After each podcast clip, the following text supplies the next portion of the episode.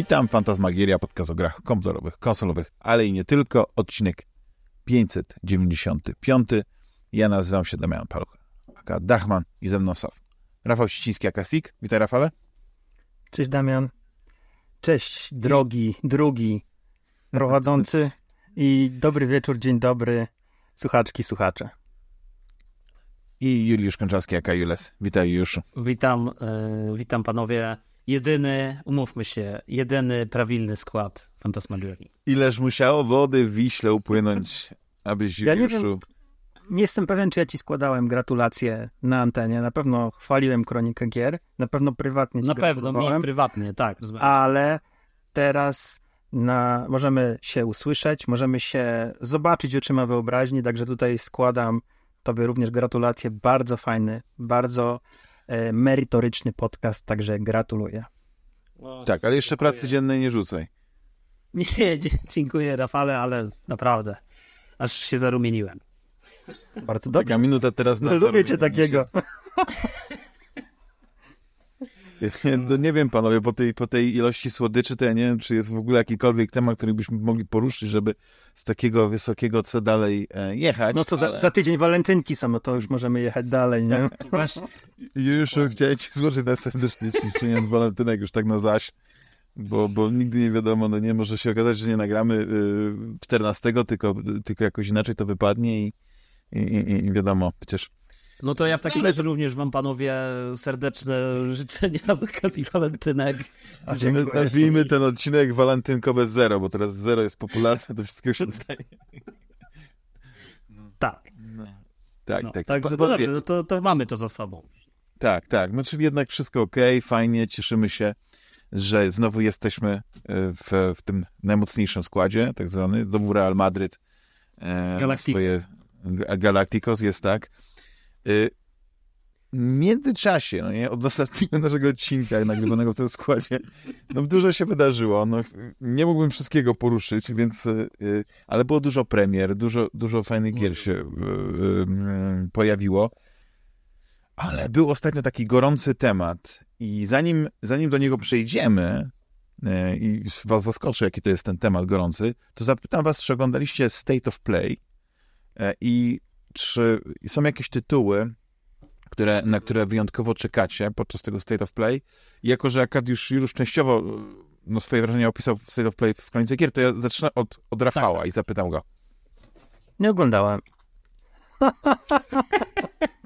nie, no wiesz co, nie obejrzałem, bo domyślałem się, co tam będzie. E, zaskoczeniem dla mnie był Silent Hill, ale wiedziałem, że to się skupi prawdopodobnie na finalu, a ja wiem, że finala będę chciał zagrać, prawdopodobnie nawet premierowo, mm, także postanowiłem sobie y, darować i nie obejrzałem, także ja nawet nie mam pojęcia, co tam było.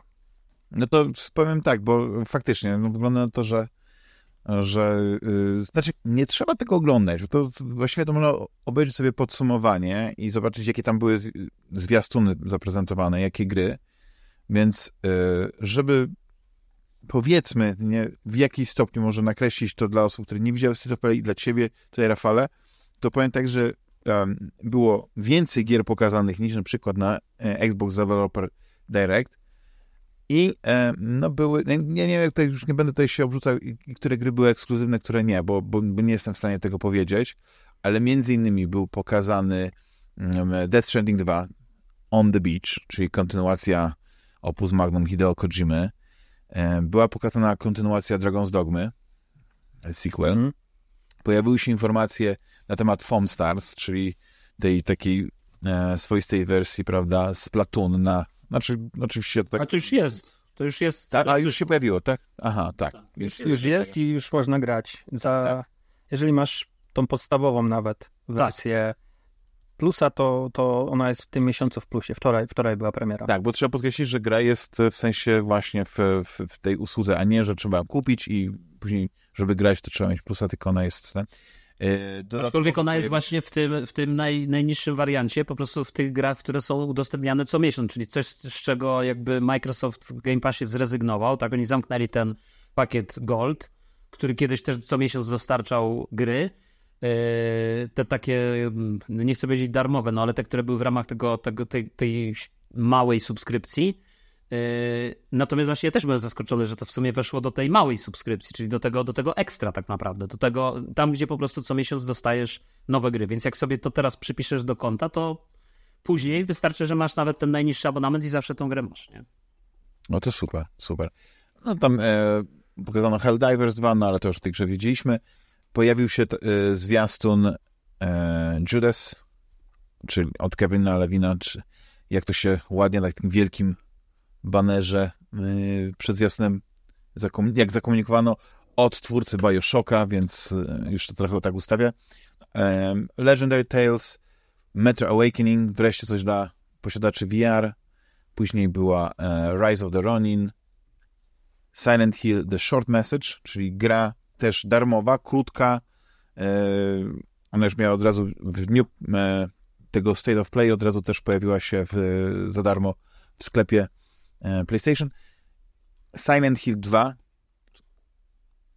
i moim zdaniem, znaczy tu jeszcze można tam wymienić, że remakes Until Dawn, dan V-Rising, etc., etc., to może to, to już przeskoczę. I najlepsza gra, oczywiście tutaj już się ze mną zgodzi, tak. e, tego, tego, tego pokazu, czyli Stellar Blade, kiedyś gra nazywana Project Eve, e, no, czyli coś, co ja bym takim nazwał miksem e, Nier Automaty, nie wiem, bajonety, science fiction i tak dalej, i tak dalej, więc to jest tak pokrótce wspomniane, więc ja rozumiem, że nawet jak nie widziałeś na falę, to pewnie jakieś tam te, te, te, te zwiastuny gdzieś ci się tam... Już sobie wyobraziłem to wszystko. Tak, tak, tak. No to w takim razie Juliusz, bo Juliusz to oglądał z wypiekami na tak. twarzy, z popcornem i, i na pewno y, obejrzałeś dwa czy trzy razy ten State of Play jako, jako ambasador PlayStation Polska. Chciałem cię zapytać. Tak. Szczególnie pierwszy, to... drugi trailer, dru, to był chyba drugi trailer, który się tam pojawił. Czyli Stellar Blade. I tu rzeczywiście rodem Digital Foundry y, piksel po pikselu. Liczyłeś klatki animacji? Liczyłem klatki animacji, liczyłem ilość pikseli w poszczególnych strefach yy, ekranu. A, szczególnie a patrzyłeś... w konkretnych strefach. Mhm. I stary, powiem ci szczerze, że... Nie, ja powiem krótko. Ja jak tylko to zobaczyłem, to od razu mi się gęba ucieszyła, yy, bo pomyślałem, ja w ogóle ten Project Eve mnie bardzo ciekawił wcześniej i ja z jakiegoś powodu ja miałem zakodowane że to będzie gra na Xboxa, że to będzie, nie wiem dlaczego stary, no, jakoś mi się w głowie to wszystko tam już tak pomieszało, te, te, te poprzednie State of Play i te wszystkie, że ja byłem przekonany, że to jest gra na Xboxa i miałem tylko, oglądając ten trailer, miałem tylko jedną, słuchajcie, miałem tylko jedną myśl, Boże, żeby tam było dużo strojów do przebierania tej postaci i, i żeby to wszystko jeszcze nie było za DLC, za płatną gotówkę, tylko żeby to wszystko było za po prostu kasę w grze, że wiesz, że, że po prostu, nie wiem, tam nabijasz jakieś punkty i potem możesz to odblokowywać, jakieś questy i, i wtedy możesz dokupywać te stroje i przebierać tą swoją wirtualną laleczkę, tak to nazwijmy, kukiełkę, przebierać ją po prostu, wiesz, w te różne stroje i patrzeć, jak ona jest pięknie animowana I słuchajcie, i to, się, i to się stanie, bo oni ostatnio gdzieś wyczytałem, że y, i, i chyba nawet wam wrzucałem na, na, y, na naszej tutaj tajnej grupie, że, że ten Stellar Blade, że raz, że to jest w ogóle ta aktorka, która użyczyła swojego, że tak powiem, wyglądu swojego ciała wirtualnego, znaczy jak najbardziej realnego. No to mnie zaskoczyłeś teraz, to zaskoczyłeś mnie, że, że, że te postacie są odzorowane na faktycznych postaci. No bo ja rozumiem motion capture jakiś, ale... Nie, tutaj jest, nie, ona tu, dokładnie ta modelka. Naprawdę nie widziałeś tego? No przecież tam była ta modelka taka przecież, no. Jeśli tego nie wklejam, bo wklejałem wam, kurczę. Musiałem chyba nie tą część tego zwiastuna oglądać kilkukrotnie, wiesz, bo Mm, aczkolwiek zgodzę się, że tam pewnie będzie możliwość zmiany stroju, bo... bo... Ale oni właśnie powiedzieli, że będą te zmiany stroju, właśnie chciałem powiedzieć, że, że będą te zmiany stroju yy, i że słuchajcie, yy, i to będzie właśnie za darmo, ten, no tak jak normalnie jakby słuchali, yy, te, wiesz, jak, jakaś taka gracze, którzy oglądali State of Play, stworzyli jakąś taką jedną jaźń i ta myśl po prostu się tak sformułowała z tysięcy myśli i to wszystko do twórców. I oni wiedzieli, stare, i oni wiedzieli, że oni to tak zrobią. no ale chciałem cię zapytać, bo tak wspomniałeś o tym Digital Foundry, że oglądałeś, jak oni tam liczyli te piksele, to chciałem się zapytać, no. czy na tym lateksie też liczyli e, ray tracing? Bo tam Myślę, to takie że... normalnie odblaski, Ja nie wiem, że... jest. Myślę, że to jest pytanie do Digital Foundry, wiesz, czy tam będzie ray tracing, ale pytanie jest kluczowe, czy ten ray tracing jest ci potrzebny? Bo szczerze powiedziawszy, dla mnie y, jest dużo gier, które właśnie nie mają ray tracingu, ale, ale i tak bardzo ładnie wyglądają i bardzo ładnie y, Aha, no, no, no tak, nie no, zgodzę Na przykład właśnie Stellar Blade, pięknie to wygląda wszystko. No to jest, to jest taka gra, gdzie jak, jak patrzę na tą stylistykę, na, na, na cały ten świat, to mówię, kurczę, jakie to jest, to jest właśnie takie inne kulturowo, takie japońskie, nie? Że, że Ale to jest koreańskie. czujesz, tak? No azjatyckie, ale jeśli koreańskie, to muszę przyznać, że, że jestem bardzo tutaj gotowy się otworzyć na, na, na, na ten kolejny, nie wiem, na kolejne źródło y, Na kolejny rozdział. treści. Tak, bo, bo, bo y, y, nam się Kore- Korea oczywiście kojarzy z, z e-sportem i z tym, jak oni świetnie grają w StarCrafta i, i w Guild Wars i inne takie gry z Koreą, więc to pewnie jeszcze tam masz lepsze informacje na temat tego, jak tam na przykład rynek gier wygląda, na pewno dochodzą do ciebie informacje i tak dalej. Nie. Może nawet znasz kogoś, kto pracuje w tym studiu, Nie. ale, ale, ale zaskoczyłeś mnie, że jest z Korei. To, ale to też z drugiej strony to w, w sumie skąd miałbym nawet wiedzieć, y, jak, ja nawet nie wiem, jak się to studio na, nazywa, które tworzy tę grę. Znaczy, Tak, tak jestem zauroczony jest- tym. Ja myślę, że wiesz, ja myślę, że y, jakby y, chwała, jaka spłynie na to studio po premierze, y, jakby to napisze zupełnie nowy rozdział w gamingu, stary. Tak, tak później się okaże, że się gra nie sprzeda i Stellar Blade 2 wyjdzie na Switch 2. się. I- Ja jestem przekonany, że się sprzeda. Tak, tak, tak. Znaczy gra w ogóle ma taki, taki vibe y, slashera, właśnie takiego Devil May Cry, em, przeplanowanego z jakimś tam, no rozumiem, jakiś tam otwarty świat pewnie będzie, dużo biegania, jakiś hub będzie, mamy pokazanych kompanów e, głównej bohaterki, więc ten, ten, ten świat może być też ciekawy pod tym względem i, i to mi się bardzo, bardzo podoba i e, abstrahując od tego, jak, jak ona się prezentuje wizualnie, tak e, jestem też ciekawy tych innych elementów, ale nie wiem, to, Rafale, rozumiem, że ty nie widziałeś e, tego zwiastunu Znaczy nie wiem, co tak to za gra jest. Ale nie zbadałem jej dogłębnie, zgadza się. Y, Natomiast y, wiem, co to jest za gra i to jest ciekawe, bo mm, vibe taki, użyję tego słowa, e, kojarzy mi się z dwie generacje wstecz, czyli z PlayStation 3, Xbox 360, te wszystkie e, gry typu mm, Wet. E, dobrze, dobrze wym- wymawiam nazwę. E, także wydaje mi się, że to jest fajny powrót. E, oczywiście też będzie dużo szumu przy tej grze, w związku że, z tym, że postać jest przeseksualizowana, że to jest szczucie, e, spełnianie męskich fantazji. No, ale czy tak mówili o Bajonecie? W sensie y, mogli mówić tak na początku, przy pierwszej, ale czy mówili to przy drugiej, czy trzeciej części? Tak się zastanawiam, nie? Chyba przy Wiesz, no tutaj już na pewno na pewno e, przy trzeciej mówili o tym, że będzie opcja taka family friendly, że będziesz mógł grać przy swoich znajomych, rodzinie, dziecku i ta będzie ubrana e, w tych kombosach, bo będzie ta opcja do włączenia. E, to to pamiętam. Natomiast wiesz, no zazwyczaj e, social justice warriors się gdzieś tam do czegoś przyczepiają i to jest ciekawe, że Koreańczycy mają to gdzieś że tam nie ma czegoś takiego jak y, nie możemy pokazywać y, tego, co chcemy, bo jeżeli się spojrzy na te wszystkie ich gry koreańskie, które są albo darmowe, albo półdarmowe, to tam te postaci e, ociekają e, wręcz seksapilem, nie? Takim em, wyuzdaniem. I ja mówię oczywiście o grach, które są gdzieś tam na przeglądarkach, na, na komórkach. Takich dużych tytułów e, konsolowych to ja powiem szczerze nie znam, no ale e, jakiś czas temu Jak się nazywa ta gra, taka e, MMO? Black Desert? Pamiętacie? Black Desert, tak. e, Tam kreator postaci temu- jest będzie chyba za dwie godziny. w nim. Jakiś czas temu sprawdzałem taką grę, e, turówkę typowo JRPG-ową, e, Honkai Star Rail. Tylko ja teraz nie jestem w stanie powiedzieć, czy to było koreańskie, czy to było chińskie. Ale też tam te postaci e, wydają mi się mocno e, wyseksualizowane, chociaż oczywiście nie wszystkie. E, muszę sobie spojrzeć, dajcie mi moment. E, nie, to jest chińskie, z Shanghai Studio, także tutaj kick z mojej strony, ale Chińczycy też się nie boją i, i, i w takim razie. Znaczy, wiesz, ja generalnie uważam, że teraz w ogóle idziemy w innym kierunku, no nie? Że nagle teraz przeseksualizowanie nie jest czymś złym, bo e, gra, która osiągnęła niebotyczny sukces, e, a zaczynała jako po prostu indykt, być może wspierany, nie wiem, czy na Kickstarterze, czy na Kickstarterze, czy po prostu jakiś taki projekt, który być może miał być e, frajdą dla fanów, ale nikt nie myślał o fenomenie takim y, ogólnoświatowym, y, który nawet w, w, wkroczy w mainstream, bo, bo, bo mówię o Baldur's Gate 3, bo Baldur's Gate 3 nawet w South Parku jest odcinek, w którym po prostu ludzie fiksują na, na temat tej gry i, i tylko chcą w nią grać, to jest najważniejsze.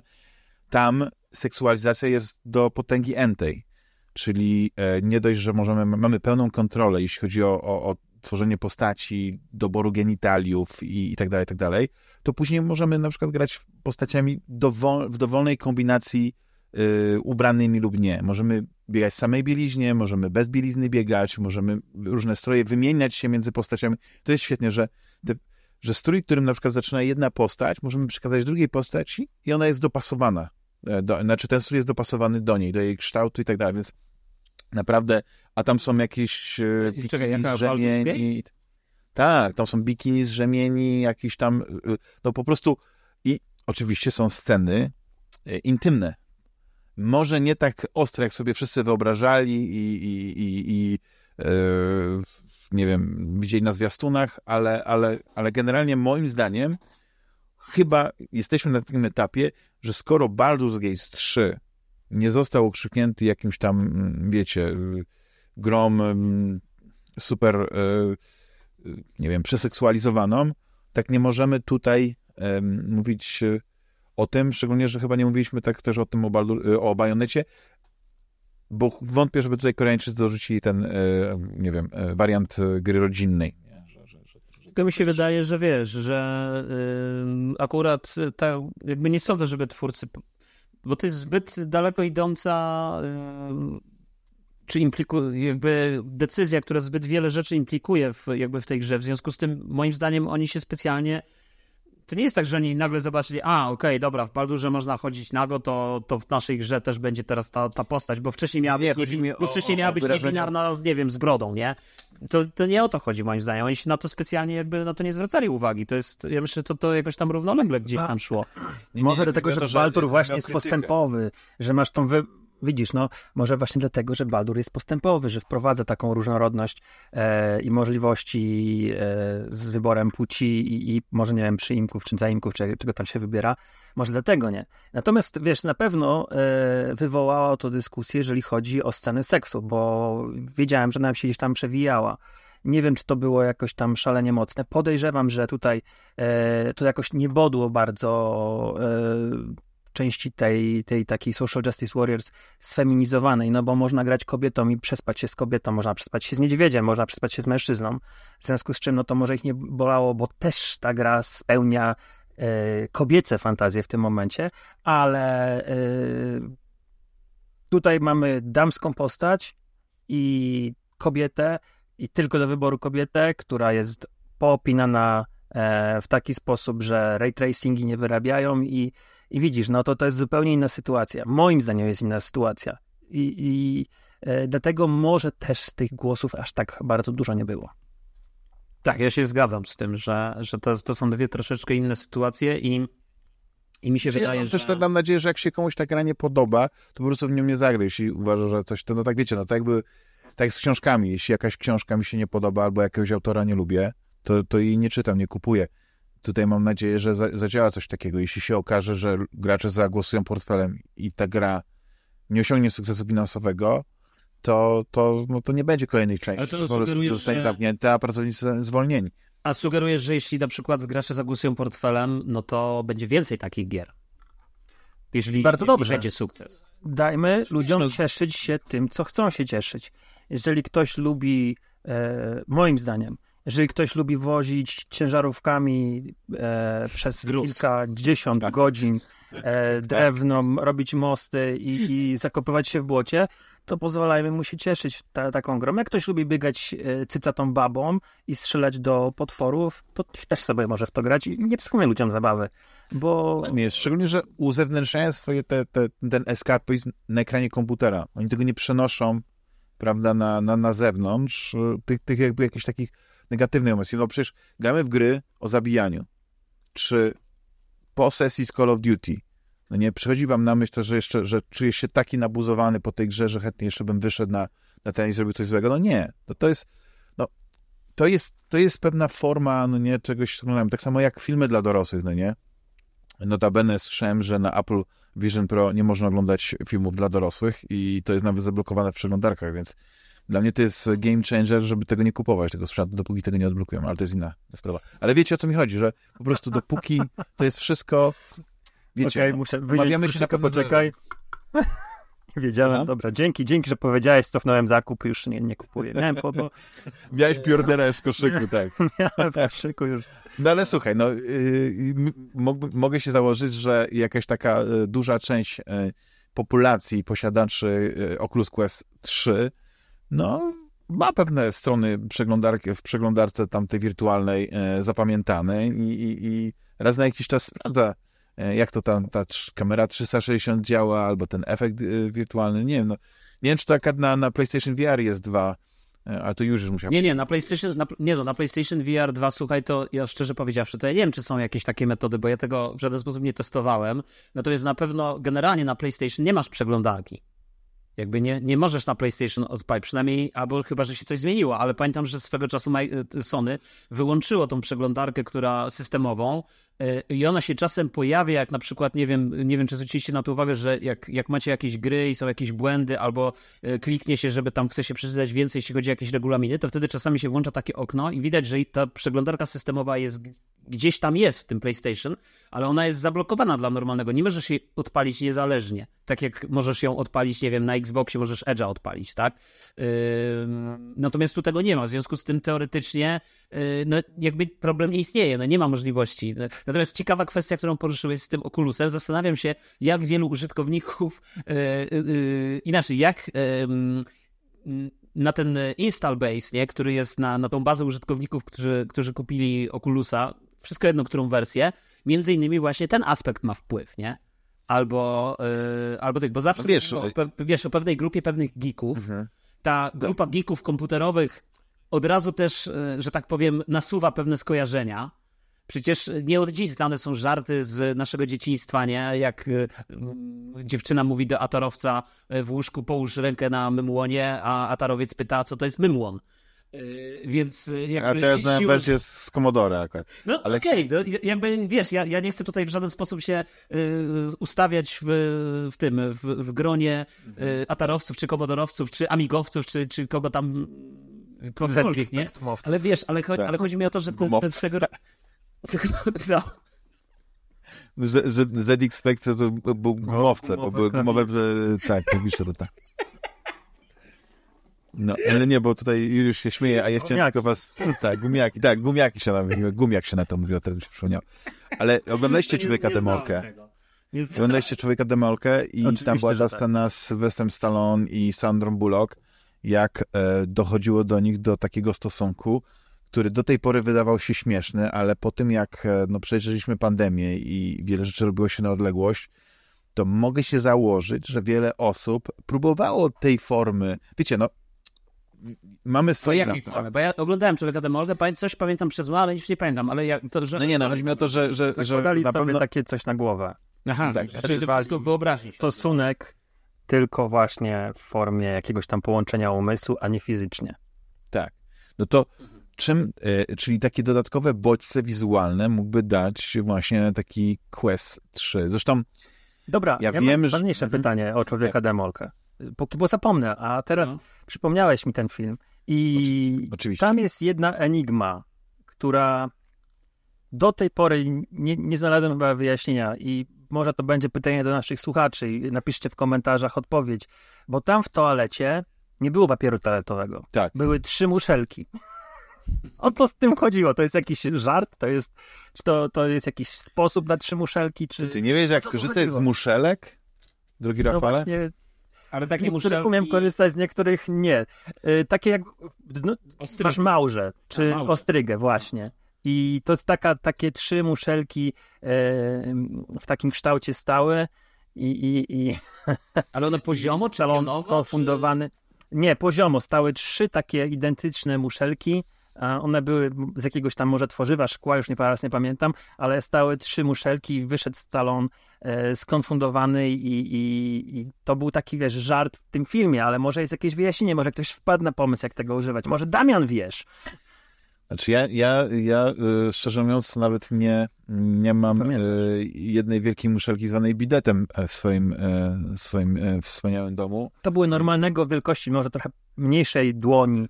Wiesz co, zastanawiam się, bo te muszelki są pokazane, ale ja widziałem gdzieś jakieś takie właśnie na zdjęciu pokazane, jak używać te muszelki. I wydaje mi się, że God po prostu robisz prawdopodobnie... W dodatkowych jako... było pokazane, jak Stallone używać. nie, nie, nie pokazali tego w filmie. Nie, nie, mi się wydaje, że ktoś po prostu y, y, siadł na tym, popracował, zrobił profesjonalną ulotkę, którą przyklejasz w toalecie obok tych muszelek dajesz.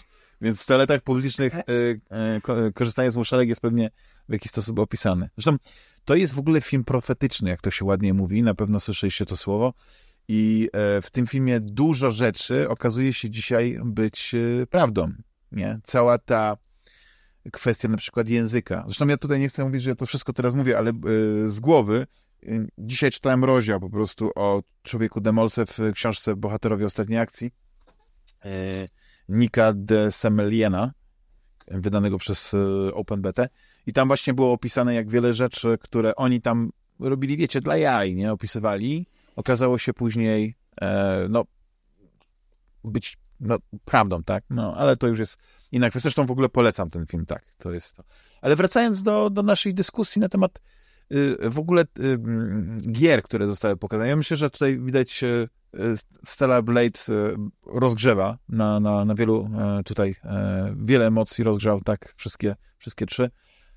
Ale czy takie same emocje budzi w was Dead Stranding 2 on the Beach? I tutaj dwie osoby z trzech przeszły tę, e, tę grę. E, jedna nawet e, trzecia osoba zaczęła, to ja mówię o Juszu. I czy ciebie, Juszu, urzeka ten, ten, ten weird fiction, to weird fiction, ten, ten, ten zwiastun, ta, ta niewiadoma w nim, to szaleństwo. I że no, z jakiejś przyczyny jednak zacząłeś, albo próbowałeś za, zacząć grać w Nie no, zacząłem, wiesz, zacząłem grać znaczy inaczej, urzeka. Znaczy nie wiem, ciężko powiedzieć, bo wiesz, ciężko osobie, która nie grała w pierwsze Death Stranding, e, oczywiście teraz już grała, ale e, nie grała w, w trakcie oglądania tego zwiastuna, e, chociaż też już trochę wtedy grałem, no ale nieistotne. W każdym razie ciężko jest jakby zrozumieć o co tam ma chodzić i co niby ma w tej drugiej części być takiego innego, nie? Poza tym facetem z gitarą, który jest jakby powiedzmy uniwersalny. E, tak. Natomiast, natomiast e, wiesz, no ja po prostu z ciekawości stwierdziłem, bo jakby muszę tak, taką prywatę tutaj wrzucić, bo e, mam taki problem z tym minionym rokiem, 2023, bo raz, że mało gier przeszedłem, a dwa, że praktycznie w sumie zamiast, nie grałem, no w sumie mogę powiedzieć, nie, nie grałem w te główne mainstreamowe gry, tak? Jakby te, te wszystkie gry, które później się przewijały w tych wszystkich plebiscytach dla najlepszych gier, czyli tam Baldur, Alan Wake 2, Y, Final Fantasy, Spider-Man, to ja w to i tak nie grałem w zeszłym roku. Nie? Jeszcze przed tobą, tak. Y, Super Mario zagrałem z tych takich wielkich i skończyłem rzeczywiście. No to jedna z tych nie Legend of Zelda. No i Zeldę zagrałem, tak, Zeldę zagrałem, ale też nie skończyłem, nie? Więc jakby, y, wiesz, więc, więc wydaje mi się, że generalnie zagrałem w mniej niż więcej. Zagrałem oczywiście w Armored Core i tak dalej i, i te gry mi się bardzo podobały, ale, mm, no ale też nie skończyłem, wiesz, nie, jakby trochę inna kwestia. I tak sobie pomyślałem, że teraz w tym roku yy, plan minimum to jest kończyć jedną grę na miesiąc. Więc normę na styczeń i luty już wyrobiłem, bo w sumie od początku tego roku skończyłem już trzy gry, więc jest ok. I wszystkie zacząłem w tym roku. w ogóle. To, także, także uważam, że, że naprawdę dobrze mi idzie. Yy, natomiast yy, tak, tak, właśnie tak sobie pomyślałem, że no, przyjdzie kiedyś ten moment, żeby w tego Death Stranding 2 zagrać i, i, i być może sprawdzić organoleptycznie, czy to będzie ciekawe, więc, więc stwierdziłem, że wrócę nie? Do, do tej pierwszej gry, ale szczerze powiedziawszy, ja mam jakiś taki problem z tym Death Stranding, no i dlatego też pisałem na grupie, żeby ludzie mi powiedzieli, czy grać w Finala, czy grać w Death Stranding, dlatego że... Mm, jakby z jednej strony ta gra ma w sobie coś niesamowicie magnetyzującego, coś takiego, wiesz, ten klimat, nie? Z drugiej strony to jest Kojima, z trzeciej strony zadajesz sobie takie pytanie, no dobrze, ale to naprawdę chcecie mi powiedzieć, że to jest gra o kurierze i to jest gra o lataniu z punktu A do punktu B? A jeśli nawet, to dlaczego taki twórca jak Kojima, y, człowiek o takiej renomie, człowiek tak, tak niezwykle ceniony i, i, i, i też polaryzujący w jakimś sensie, jakby zmusza gracza do pewnych aktywności, które no dla większości, powiedzmy, graczy mogą się wydawać kompletnie bez sensu. Nie? Jaki jest w tym cel? A jakiś pewnie musi być, tak? Skoro twórczy, tak mi się wydaje. To jest jakaś metafora tego, że masz świat, który, który po, po, po jakimś kataklizmie... Ale ja nie chcę teraz odpowiadać mocno... na to pytanie, Damian. Nawet, nie, no, no, tak, ale chodzi mi, wiesz o co mi chodzi, że, że to jest taki, że to jest taka pierwsza warstwa taki do tej, tej interpretacji, bo później wchodzą te kolejne wersje tego kodźmizmu, i nagle zaczynasz, wiesz, zastanawiać się, no nie, co tam się jeszcze wydarzy więcej, co on jeszcze wymyśli, a, a, a ta, ta, to bycie kurierem oczywiście nadal jest, ale przez to, że dostajesz tam jakieś nowe gadżety, pojazdy i tak dalej, i tak dalej, to ono już staje się mniej monotonne. Wiesz, nadal, Optymalizacja nadal ścieżek też jest jakaś, no też jakiś tak. trudny teren do wspinania się. E, są, są przeciwnicy, z którymi trzeba walczyć i raczej ich nie zabijać, bo dochodzi do tego, już teraz nie pamiętam, jakie to było określenie, rozpróżnienie chyba, e, także mhm. to też jest groźne. Mm, wiesz, no, to jest gra trochę jak, tak jak wspomniałem wcześniej, że jedni lubią sobie kilkadziesiąt, kilkaset godzin poświęcić na e, jeżdżenie samochodem, e, czy to... W kółko. No czy to, to jakieś tam, wiesz, pokonywanie jakichś tam ciężkich terenów i znajdywanie sposobu, żeby, żeby zrobić to jak najlepiej. Inni wolą krótkie doświadczenia, mm, inni lubią rozbudowane, rozbuchane przygody, ale y, Kojima łączy dwie rzeczy właśnie, takie, takie rozbuchanej, e, Taki patos. rozbuchanej fabuły, no z, z, takim, bo wiesz, tam masz na przykład 10 godzin, chodzisz z punktu A do punktu B, dostarczasz przesyłki i nagle masz wydarzenie, które widzisz, nie wiem, jakiegoś gigantycznego y, wieloryba ze smoły, który za, zapełnia cały ekran tym, tym, tym, tym czymś, tym smołą i, i musisz z tym walczyć. Y, I to robi niesamowite wrażenie. Do tego jest fantastycznie dobrana muzyka i, i później znowu masz znowu masz przestój, gdzie optymalizujesz ścieżki kolejne, robisz trolki, żeby tam inny teren, już nie e, jakiś skalisty, ale śnieg masz w tym momencie i nagle masz, wiesz, że musisz dostarczyć e, jakąś tam pizzę, nie? I niby takie, wiesz, jakieś tam wydarzenie. Później wchodzi ekipa terrorystów i, i masz to ostatnie, ostatnie miasto, które możesz przyłączyć.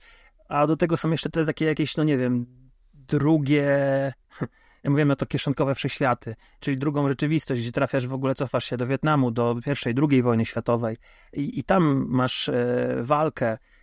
Więc moim zdaniem to jest trochę eksperyment, który, no, też Damian użył mądrego słowa, profetyczny się okazał nawet, bo e, dużo ludzi upatruje w tej izolacji tych wszystkich enklaw, to co się działo w 2020-2021 roku podczas pandemii, że kurierzy byli jakimiś tam bohaterami, bo doręczali, dostarczali jedzenie ludziom, którzy byli na izolacjach, na kwarantannach. I, I wiesz, e, Kojima sobie zrobił eksperyment, bo miał ochotę, podobała mu się Islandia, chciał zrobić, miał ochotę zrobić grę, która miały taki krajobraz, no ale w takim razie o czym ta gra jest? I, i on trochę mówił w tych swoich podcastach o tym.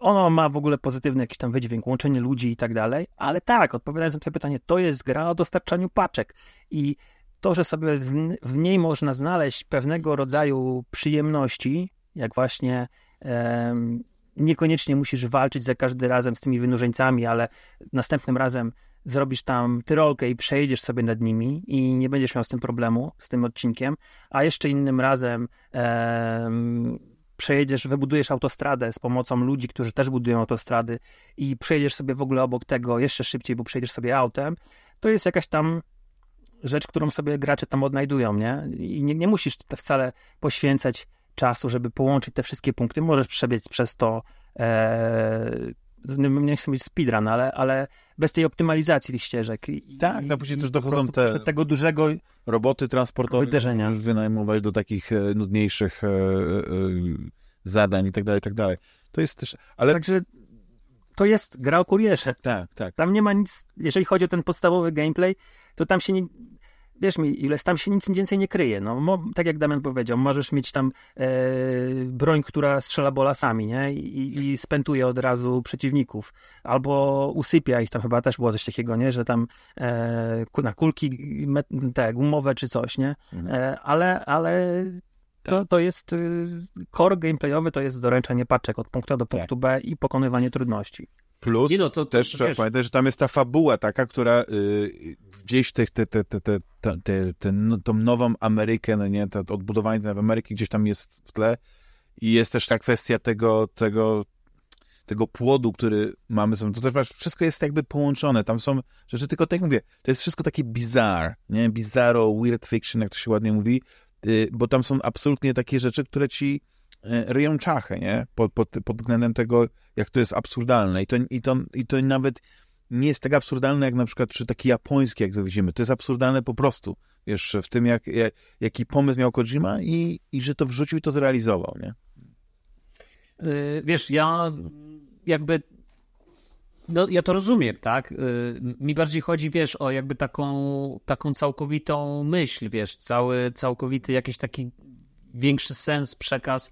Nie większy sens w gameplayu, nie to, że na przykład, nie wiem, nagle się coś tam okaże, że, że coś innego, tylko bardziej y, jakby jak w ogóle tą grę zinterpretować, wiesz, jak, jak co, o czym to jest, co ten Kojima chce powiedzieć. No trochę żeście ten temat y, liznęli tutaj y, w jakimś sensie. No i, i właśnie, tylko, tylko mówię, no ja mam właśnie taki problem, że, że po pierwsze, mm, jak doskonale wiecie i jak mnie znacie, ja jakby generalnie nie gram w jakieś horrory, nie lubię takich gier, nie lubię takich gier stresogennych, w których się boję, yy, które są takie creepy, że coś tam wyskoczy z krzaków albo że jest coś nieokreślone, a tu trochę jest takich motywów, zwłaszcza na początku z tymi, yy, ja wiem, że później się ich oswaja i później okazuje się, że to są de facto strachy na lachy, ale, ale trochę jest takich motywów. I ja na przykład w ogóle bardzo często, i tak gram, ustawiłem very easy, ten najniższy poziom trudności, i po prostu nawet ta, ta maś, y, ani razu nie zginąłem, wiesz, ta maś mi nie, nie przeszkadzała, bo gdzieś tam skakałem po tych budynkach i, i w końcu jakaś drabina, którą jakiś gracz zbudował, to po niej przeleciałem na drugą stronę i, i wyszedłem z tej strefy. Tak.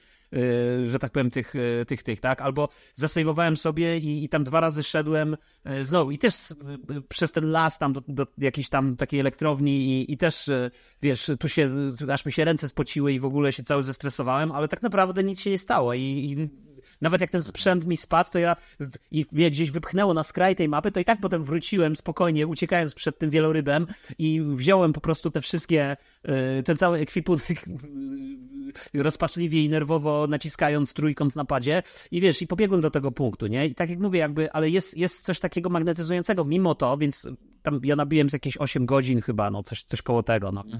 Y, w, w, w Ty już taki smak poznałeś tego, tak. Nie, no tak, oczywiście, wiesz, no zrobiłem, no y, jestem w tam, w- to jest ten drugi rozdział Ameli gdzieś tam przy końcu, nie, już y, tego, już robię ostatnią misję, która jest, y, która tam była zlecona, ale szczerze powiedziawszy, y, wiesz, jakby nie wiem, czy chce mi się grać w taką grę, która wzbudza we mnie y, tak y, emocjonalnie mnie y, jakby tak troszeczkę, że za, za bardzo jest dla mnie stresujące to doświadczenie, o, jakby, a ja bym wolał, ja- jakby ja rozumiem. Wiesz co, ja bym się bardziej obawiał, że w pewnym momencie będziesz miał tak, że, że dojdziesz do takiego momentu, że nawet nie jest stresujący, tylko że jest nudne. Że, że w pewnym momencie no, uderzy cię taka monotonia, bo nawet jeśli masz czy motocykl, czy jakiś inny pojazd, to nadal te odległości potrafią być duże. Tylko to wszystko też jest na, na, na zasadzie właśnie tego budowania.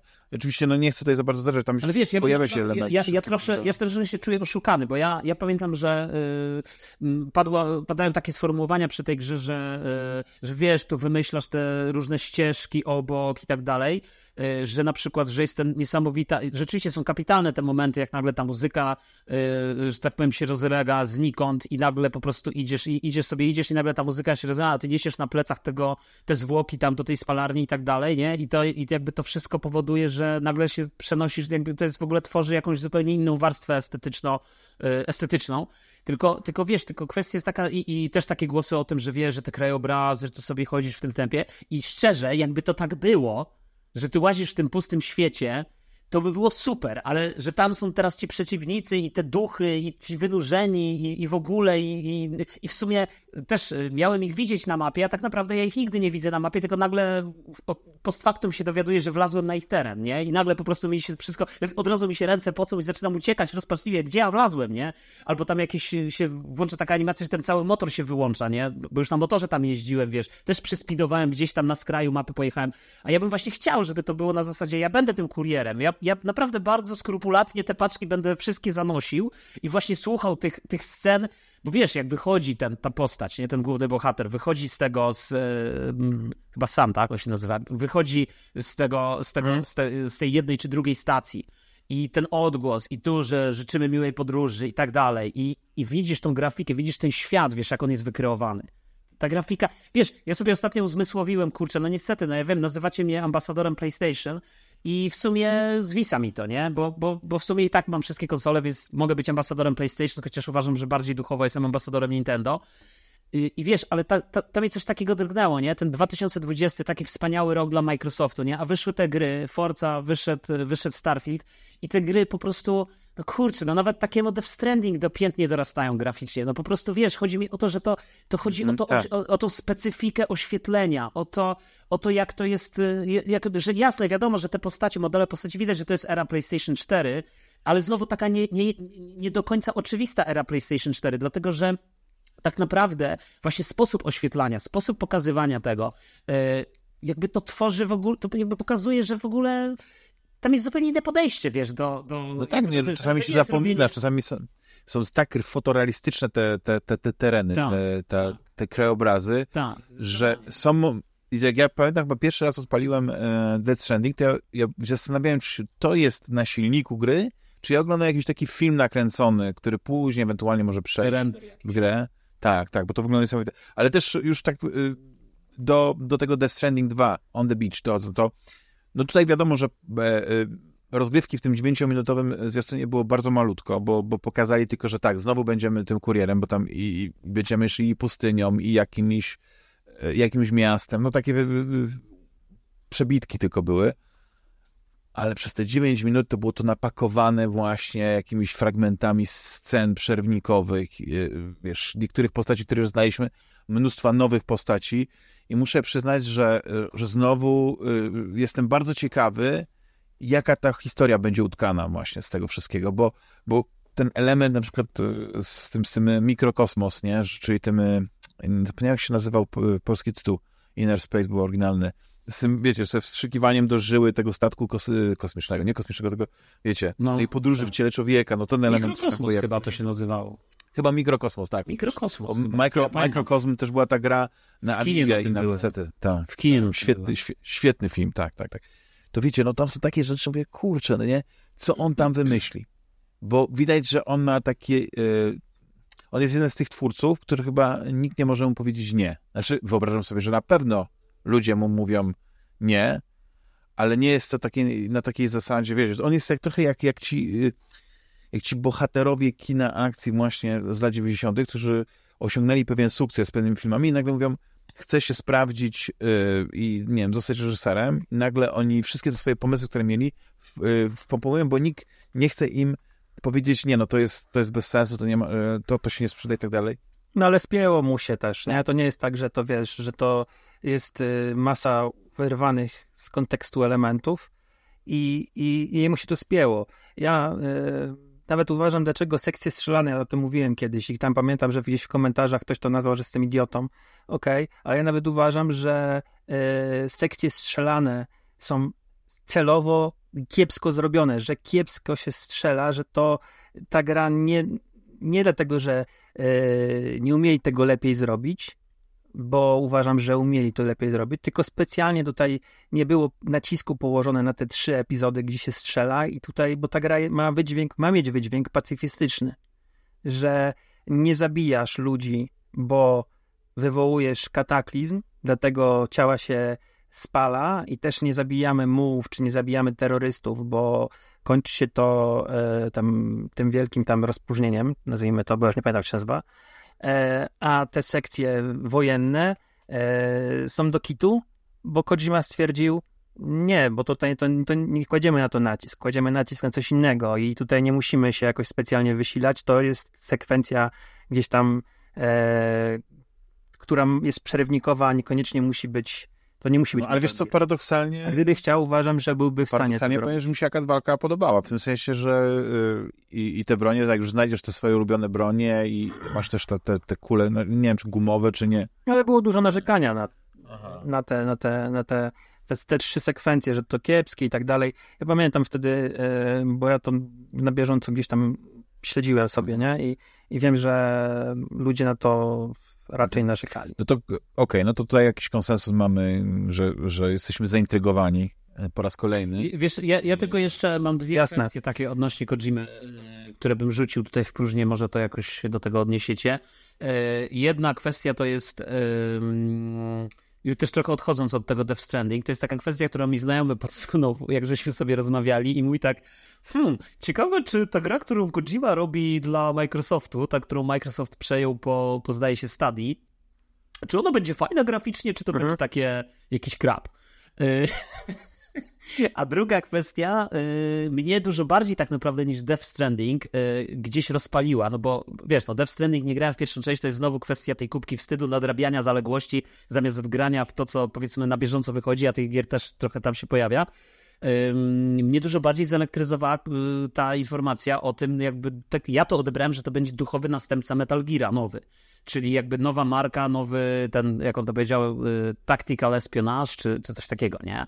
E, który ma się ukazać, no już nie wiadomo, ten horyzont czasowy jest jeszcze bardziej odległy, bo to jak w 2025 ma wyjść e, Metal e, Death Stranding 2, no to, no to dopiero po, po zakończeniu, po premierze tej gry, dopiero ewentualnie Kojima wtedy usiądzie do, do tego nowego projektu, nie? I ta, jakby to mnie dużo bardziej, z, że tak powiem, zelektryzowało. Ja wybieram trochę nie, nie w kolejności te tytuły, które tutaj prze- przedstawiam, więc wybaczcie, a jeśli chcecie, żeby było bardziej usystematyzowane, to po prostu powiedzcie, ale Rise of the Ronin, czy, czy to... No, już się nie odniesiecie ten- do tych kwestii. Okej, no dobra. Yy, tak, tak, po prostu zadaję pytanie i od razu sobie sam odpowiadam. Ale yy, Rise of the Ronin, Juliuszu, yy, ty jako no, miłośnik yy, Shoguna i klimatów japońskich, yy, walki na katany, jak ci się podoba to, co zauważyłeś, zobaczyłeś w tym, w tym zwiastunie? Podczas tej No prezentacji. i wiesz, i znowu dochodzimy do tej kwestii kubki wstydu, bo ja bardzo, bardzo, bardzo, naprawdę bardzo chciałbym zagrać w końcu w e, tego e, Yakuza. Ishin, czy Inishin, Ishin to się nazywa. E, I, I nawet odpaliłem to raz, bo to w Game Passie jest. Odpaliłem to raz, no, żeby zobaczyć. Tam, wiesz, tam jest tak wystylizowane jak na takich japońskich starych filmach. Możesz też czarno-białe to włączyć i w ogóle. I po prostu, no, no chciałbym w to zagrać. Natomiast Rise of Ronin, to, czy tam Rise of the Ronin, tak? To jest, to jest gra, która e, jakby na początku, jak kiedyś używałem takiego sformułowania, myślałem, że to będzie Assassin's Creed w, wiesz, w Japonii. E, No ale teraz jak zobaczyłem tam, e, wiesz, że to jest Tecmo, Tecmo, które słynie przede wszystkim z tych gier. Ja wiem, że tam jest jakieś, jeszcze jakaś inna firma, która to robi, ale ona jest częścią Tecmo. I, a Tecmo słynie przede wszystkim z tych gier Muso i z tych wszystkich takich, wiesz, e, nawalanek, gdzie się walczy z e, tysiącami przeciwników i nasz bohater jest, nie wiem, zawsze dwa razy większy i, i tam wszystkich rozwala, które też są fajne swoją drogą, bo, bo w parę takich gier grałem mi się podobały. Tam na Nintendo jest, przecież jest ta Zelda, nie? Coś tam, są dwie nawet gry z, z z e, Zeldy, które, które, które właśnie są jak, jak to muso.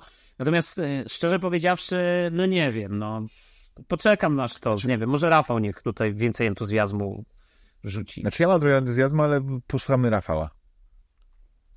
Słuchajcie, y, nie mam specjalnie nic do powiedzenia o Rise of Ronin.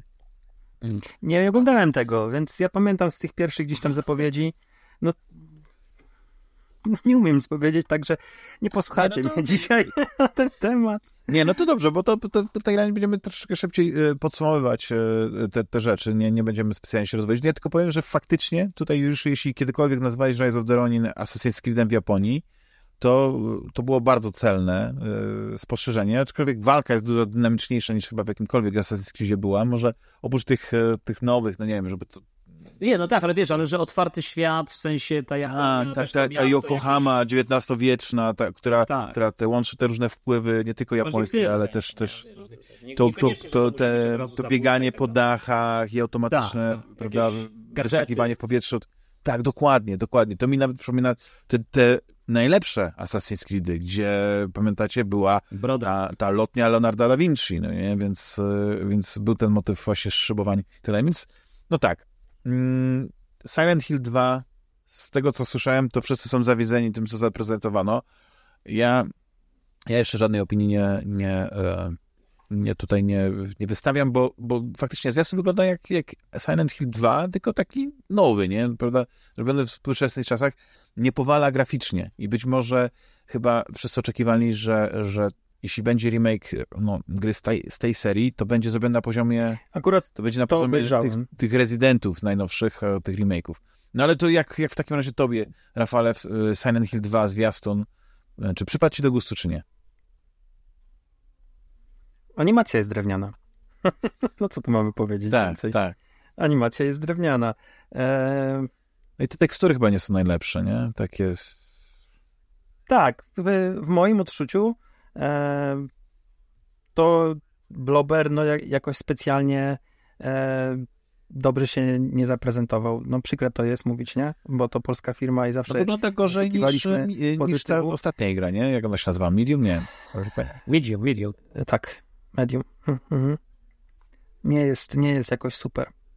To jest smutne, ale no umówmy się, e, no niekoniecznie wszystko musi być z, złotem, nie? Mhm.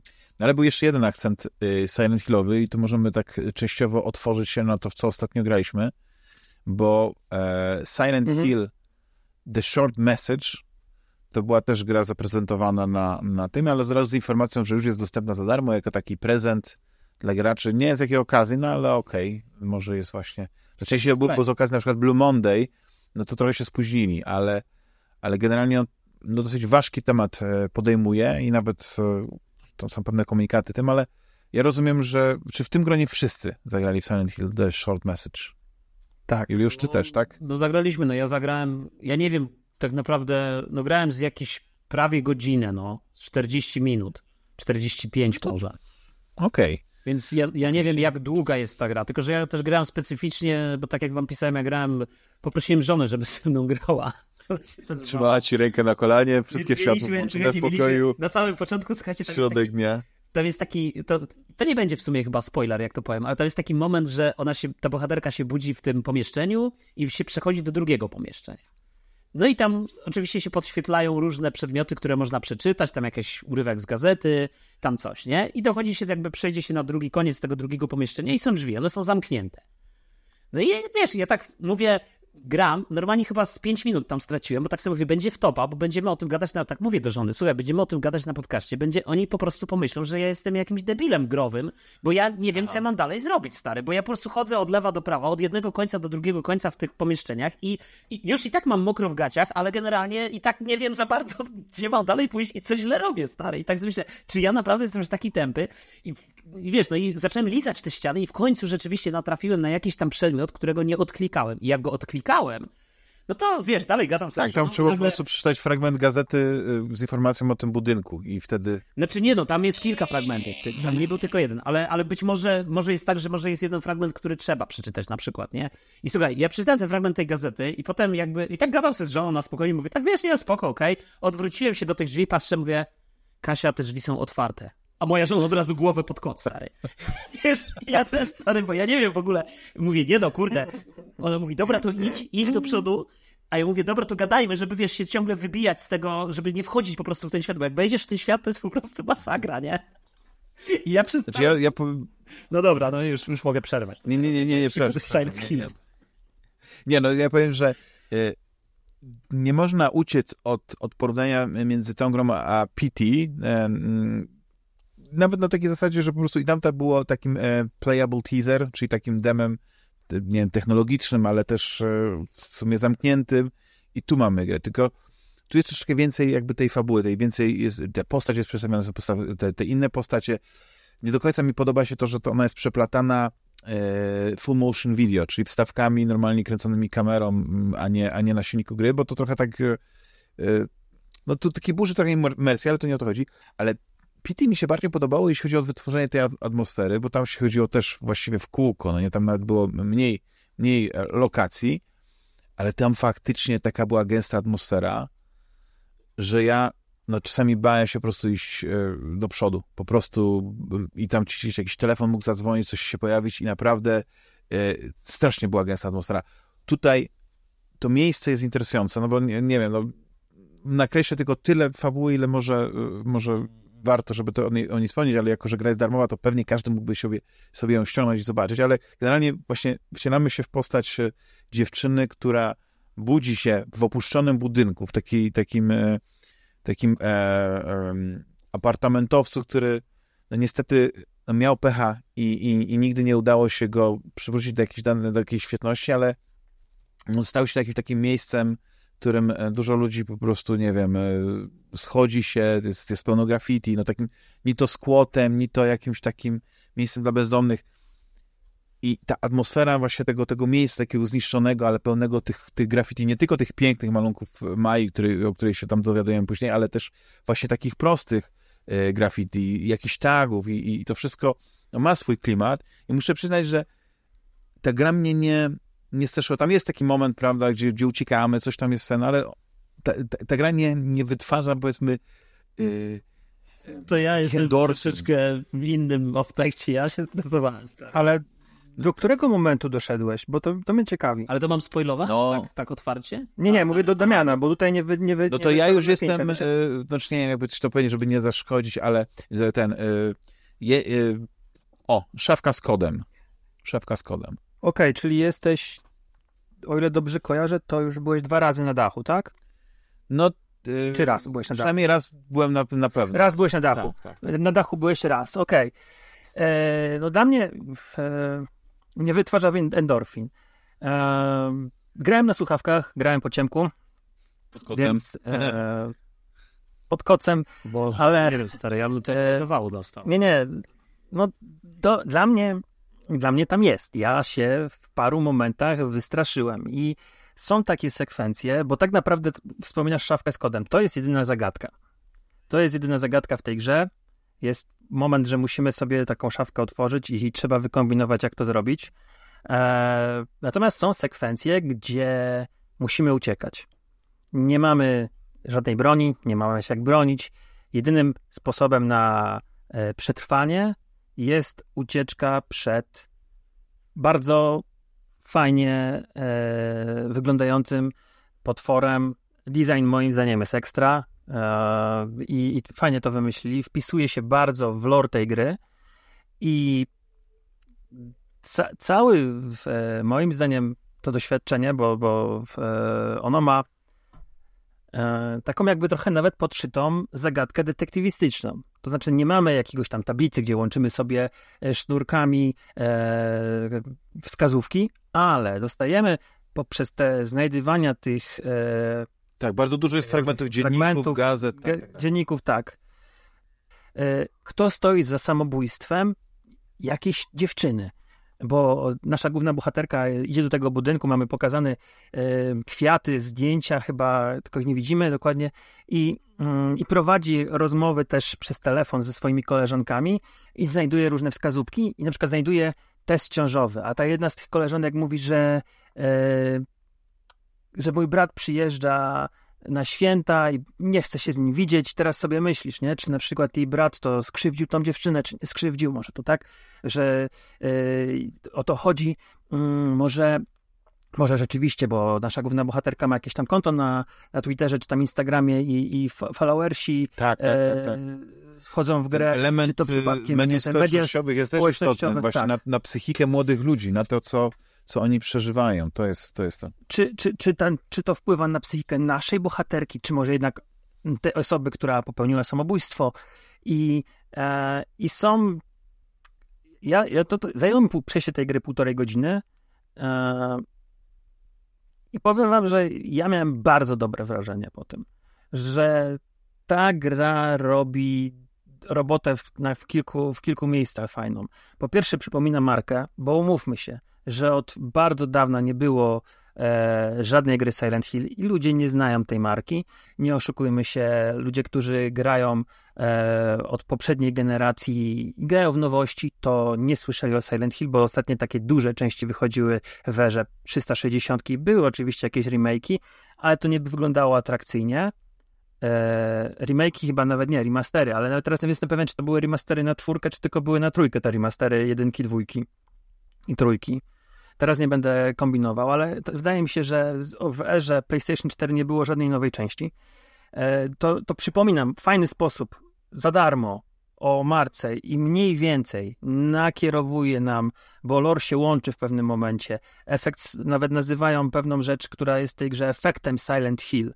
E, I nas i pokazuje, jaki nastrój mniej więcej panuje w tych grach, pokazuje ten drugi świat, który się gdzieś tam wkrada, e, pokazuje potwora, który już daje jakieś wyobrażenie, jakie są tam te potwory.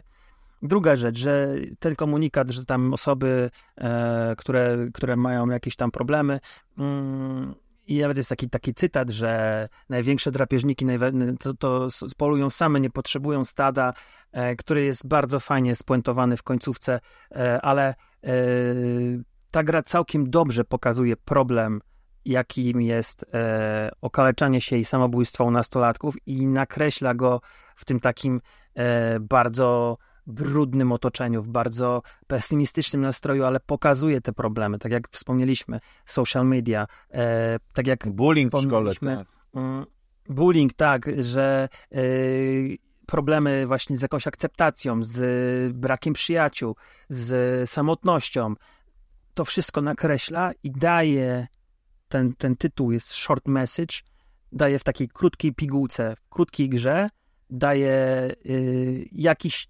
pozytywny wydźwięk, jakiś morał tego wszystkiego. E, a przy okazji, dodatkowo dla mnie ta gra jest straszna. Ja miałem takie momenty, gdzie tam te, te, te ucieczkowe fragmenty i one mi podnosiły ciśnienie. No, jest też jeden taki, no to, że teraz to jest zagadka, jest taki element y, w, pod, pod sam koniec, gdzie mm, po pierwsze, ta gra też jest smutna, ale e, jest taki element, gdzie musimy biegać z tym potworem na plecach i pewne rzeczy robić, żeby odblokować drzwi.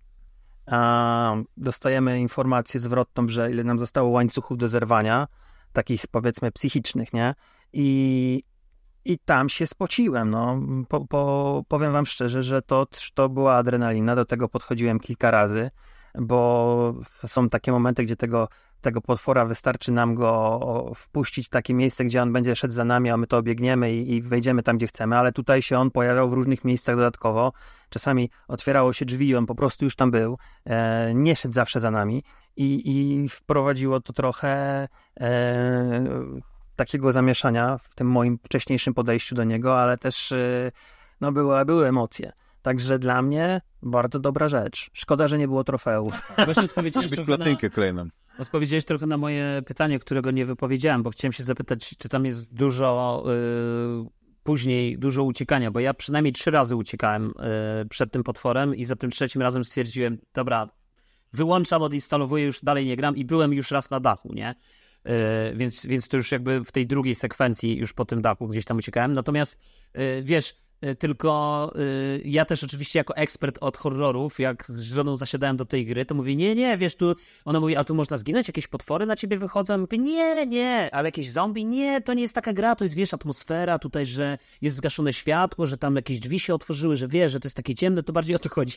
A później jak trafiliśmy na tego pierwszego, który, najpierw go zobaczyliśmy, bo on się najpierw tam pojawia gdzieś w oddali i, i przechodzi z jednego pokoju mhm. do drugiego, a potem jest właśnie ta sekwencja, jak się okazuje, że trzeba przed nim uciekać, no to było słabo. I także, także no, nie, no, dla mnie, słuchajcie, ja powiem tak, cieszę się, że wam się podobało.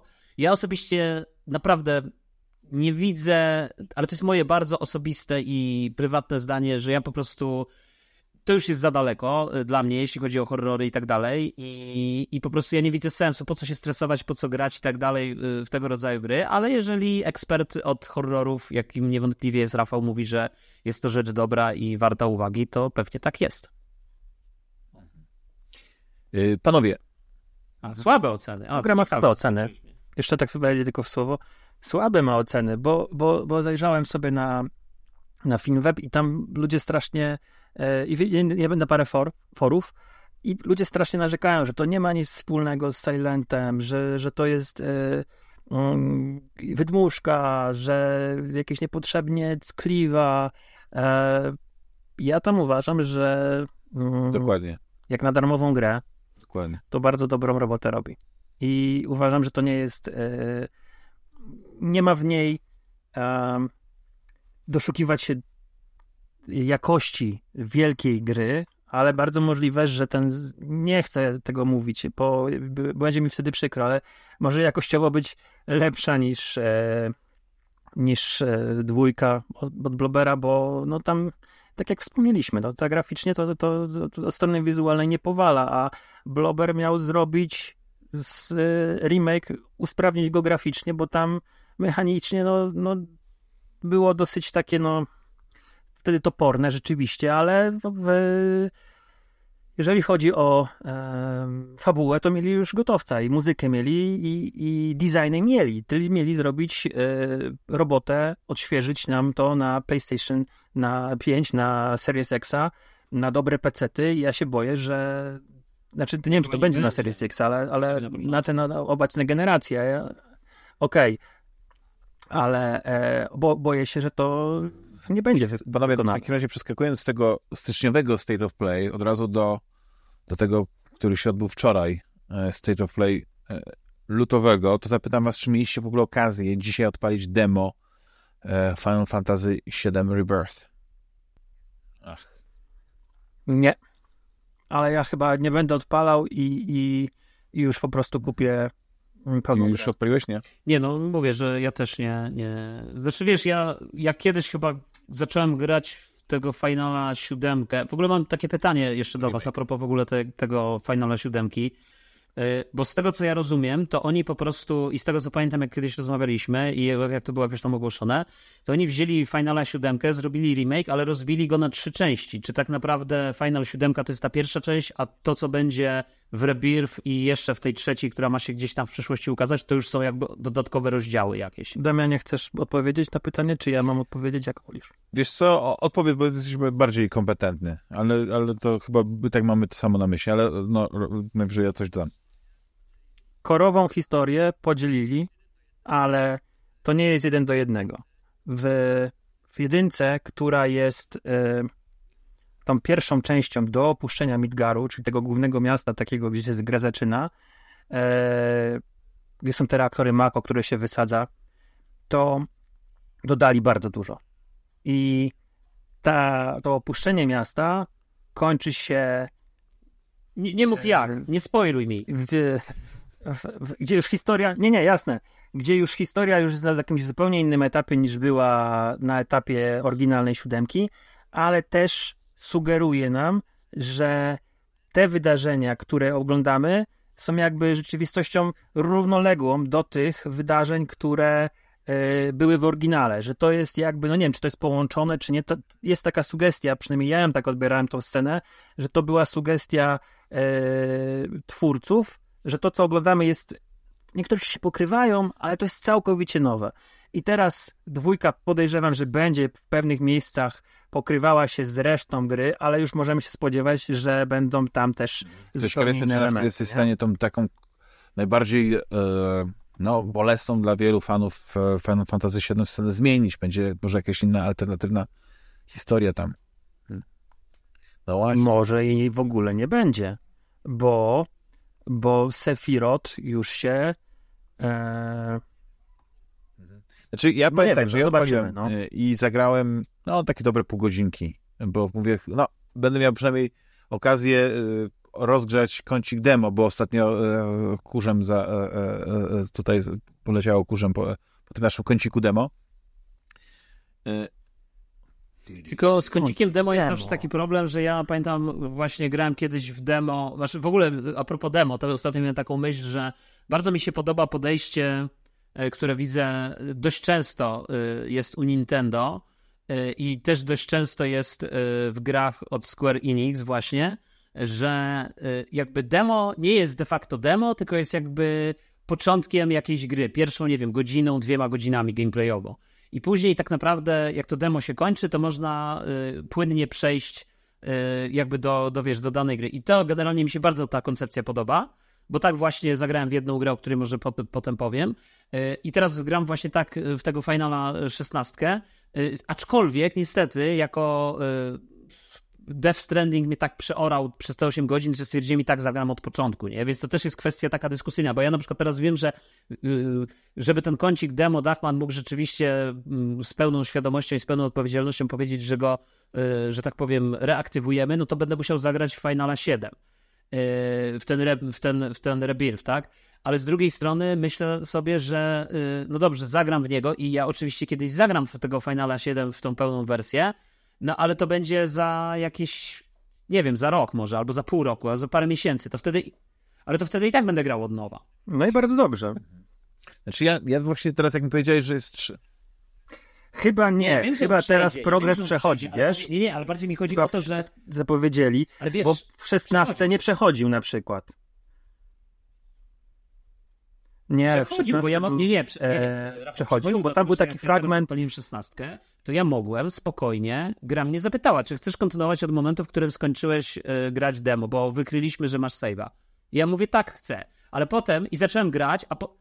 Wiesz, A, zacząłem okej, grać, bo tam ten pierwszy rozdział... kurczę, pamiętam, co tam się mniej więcej działo i pamiętam, że to mi się bardzo podobało, ale kurczę, yy, chciałbym to sobie odświeżyć, żeby generalnie, wiesz, jakby jeszcze raz może sobie, sobie przypomnieć tą historię, nie? No i jakby zagrałem od nowa, ale, ale tak naprawdę przechodził ten save, nie? I tak samo tutaj, on też pewnie będzie przechodził, tylko problem polega na tym, że gdybym na przykład z marszu Wiesz, teraz zagram w demo i zaraz z marszu na premierę, no to wtedy jasne, ale jeżeli to będzie tak, że ja teraz zagram w demo, a w premierę zagram, nie wiem, za jakiś czas, dłuższy, no to podejrzewam, że i tak będę musiał zagrać od nowa, żeby sobie wszystko przypomnieć. W ogóle i tak muszę zagrać w, te, w, tą, w tą pierwszą część, ten Intergrade, tak? Mhm. On się nazywa. Znaczy wiesz co, jak teraz mi powiedzieliście, że, że będą trzy części, to trochę się zasmuciłem, no bo, bo to jest strasznie rozbijanie tej historii i też powodowanie tego, że y, nie wiem, no będą osoby takie jak na przykład, nie wiem, ja, może Juliusz, że będziemy musieli zagrać wszystkie trzy, jeśli już się wciągniemy w, te, w ten świat Fan Fantasy VII, ten nowy, to tak jednak, żeby to jednym ciągiem zagrać, nie? Ale, no ale a propos tego demo, no to demo jest na pewno... y, y, Fani y, ucieszą się, że przy tym demie można zagrać, jest taki fragment, który można grać z y, Sefirotem, który jest e, takim bożyszczem, jeszcze chyba e, zanim chyba stał się złym, ja nie wiem, ja, wiecie, ja nie jestem w tym loże, nie siedzę, więc ja mogę tutaj szerzyć jakieś, jakieś, jakieś banialuki, ale generalnie nasz Cloud razem z tym Sefirotem idą na jakąś misję i to jest takie tak, tak, tak śmiesznie zaprezentowane, wiesz, znaczy nie śmiesznie, tylko tak absurdalnie, tak jakoś tak, bo, bo ten pom... y, ta, ta japońskość, która bije z tego wszystkiego, ona jest taka oderwana od, od, od tego zachodu, gdzie, gdzie wszystko musi mieć sens, logikę, y, związki przyczynowo-skutkowe. Tu może być trochę oderwane. Tu, tu, tu jest normalne, że, że dzieci e, zostają, idą do armii, czy gdzieś tam idą na misję, no nie, i, i, i zupełnie y, jako żółtodzioby, no nie, są przydzielani do, do takich legend jak Sephiroth, który jednym cięciem e, swojego miecza e, pokonuje jakiegoś tam potwora, kiedy my z nim musimy się, powiedzmy, dużo bardziej e, męczyć, więc no, nie ma to logiki jakiejś większej, no ale w tym demie, przynajmniej tą, tą chwilę, którą zagrałem, no to mieliśmy okazję zobaczyć e, to, to, to pierwsze, to chyba jakieś rodzinne miasteczko Klauda, tam spotkać e, ludzi, którzy go znają, e, spotkać jego matkę i też fantastycznie jest to, ja nie wiem ile Cloud ma, ma lat, nie wiem, Rafale, może ty wiesz, ile, ile ma, 16 lat? Może mniej? 17, 16, tak, dokładnie. Tak. No. Więc wiecie, tam jest taka scena, że on idzie odwiedzić matkę i zanim ta matka jest pokazana, to ona jest taka pokazana od tyłu, w jakimś takim stroju, wiesz, no nie jakimś atrakcyjnym, prawda? No i sobie wyobrażę, że pokazują jakąś sta- staruszkę, wiecie, no nie, i tak dalej. Ale odwraca się ta, i tam jest normalnie młoda dziewczyna. I ten model postaci japoński, no to jest taki, że ja nie wiem, czy ta matka, e, nie, nie wiem, nie, nie, nie, nie, doszło do jakiegoś takiego czynu zabronionego, kiedy... kiedy... Ale wiesz, ale mi się wydaje, Damian, że z tego, co ty Cloud. mówisz, ale, ale z tego, co ty mówisz, y, to czy to po prostu nie jest tak, że mówimy o pewnej konwencji, y, generalnie pewnej konwencji związanej z takim, a nie innym portretowaniem różnych postaci, a ty się dos- doszukujesz takiego, tak jak ja to odbieram z tego, co mówisz, ty oczekujesz, że to będzie w, tak jak w zachodnim świecie, że to będzie w sposób naturalistyczny pokazywało ci, nazwałeś dzieci, że dzieci są przypisywane, że idą na wojnę, ale chodzi ci o to, że to są dzieci, bo mają, nie wiem, 8 lat, czy mówisz, że to są dzieci, bo wyglądają jak dzieci, czy Czy- mówisz, nie, że to to są masz dzieci, bo rację. są nie, niedoświadczonymi żołnierzami, a z drugiej strony przecież w zachodnim świecie to jest normalne, że wysyła się mięso armatnie, Wszystko- idzie na front, nie? Po... Nie, nie, to, to wszystko, co powiedziałeś, to jest, jakbym powiedział, i te powyższe, tak. Że odpowiedź A, B, C jest poprawna. Bo generalnie jest tak, że No po pierwsze, nie że wyglądają jak młodzi, dwa, że są niedoświadczeni, bo są e, żółtodziobami, a C to jest jednak ta konwencja, bo, bo to też kiedyś, e, nie wiem, czy mieliśmy okazję kiedyś rozmawiać o pierwszym Nier, że są te dwie, dwie wersje. Zachodnia, której protagonistą jest dorosły Mhm. mężczyzna i ta em, azjatycka, gdzie, gdzie bohaterem jest młody człowiek, bo y, no właściwie no dziecko, no nie, nastolatek, ja już nie pamiętam dokładnie y, wieku głównego bohatera, ale chodzi o to, że po prostu w konwencji japońskiej, no nie, no ten, ten protagonista może być młody, bo on wtedy wyrasta na tego bohatera, właśnie od tej takiej niewinności, takiego, takiego bycia żółtodziobym, takim, takim e, bycia bohaterem z przypadku. A znowu w, w, amerykańskiej kulturze, ja to tak odbieram, no to ten bohater to jest zwykle jakiś taki żołnierz, sprawiony w boju, trochę już zmęczony tym wszystkim, ale znowu stający na wysokości zadania, bo y, y, świat potrzebuje po prostu znowu tego bohatera, żeby on znowu uratował świat. Taka moja luźna interpretacja, ale nie, no ja tutaj, ja tutaj oczywiście dodaję takiej, takiej publicystycznej y, nuty do tego opisu tego dema, no bo też inaczej bym go zamknął, ten opis w kilku słowach, ale, ale widzę tam interesujące rzeczy. No, ta, ta grafika momentami wygląda e, rewelacyjnie, e, świetnie. Zresztą na takim dłuższym, e, 20-minutowym filmie, który pokazali właśnie na tym State of Play, tam widać różne miejscówki, tam e, ten, ten, ten cały świat jest zaprezentowany na taki, znaczy nie w sensie, że cały świat, że mapa tego świata i te różne regiony są pokazane. Są e, elementy platformowe, e, to, że akcja jest z trzeciej osoby i nie tylko gramy cloudem, ale właśnie raz Tifą, raz tym, tym, tym, tym zwierzakiem, ja nawet nie wiem, jak się on się nazywa, tego, tego Unwatera, więc no, dla mnie wydaje mi się, że oni tam nie tylko zrobili nową, na nowo odpowiedzieli pewnie tą znaną historię, ale oni tam władowali mnóstwo nowego gameplayu, no, mnóstwo nowych, nowych pomysłów, no i, i, i no, fani Final Fantasy chyba się ucieszą, bo tam jest i stare, ale też dużo, dużo nowego, naprawdę. I wydaje mi się, że ta gra, aczkolwiek to jest tylko moje takie subiektywne zdanie oparte na tym, co powiedzmy widziałem, jeśli chodzi o Final Fantasy XVI i co widziałem, tu, jeśli chodzi o Final Fantasy VII Rebirth, no, że ta gra jest dużo bardziej rozbudowana, dużo bardziej e, więcej gameplayu jest w tym wszystkim, nie wiem, w tym, tym, tym, tym świecie. No ale to oczywiście to jest, to możecie od razu powiedzieć, że co ja tam, tam wiem, no nie, to musiałbym zagrać i w tą, i w tę grę, jak już wyjdzie e, i wtedy mieć jakieś sensowne porównanie, ale powiem tak, demo jest na pewno interesujące i nie wiem, czy robię aż takie wrażenie, na przykład demo Final Fantasy XVI, ale już widziałem, że, że, że fani zacierają ręce i ten 29 e, lutego to, to, to, to już te konsole czekają, no nie? Już dyski opróżnili, tam nie wiem, ile to będzie zajmowała ta gra, czy 100 giga, czy 200, ale na pewno oni już mają e, miejsce. No to tyle, tyle jeśli chodzi o kącik demo ode mnie.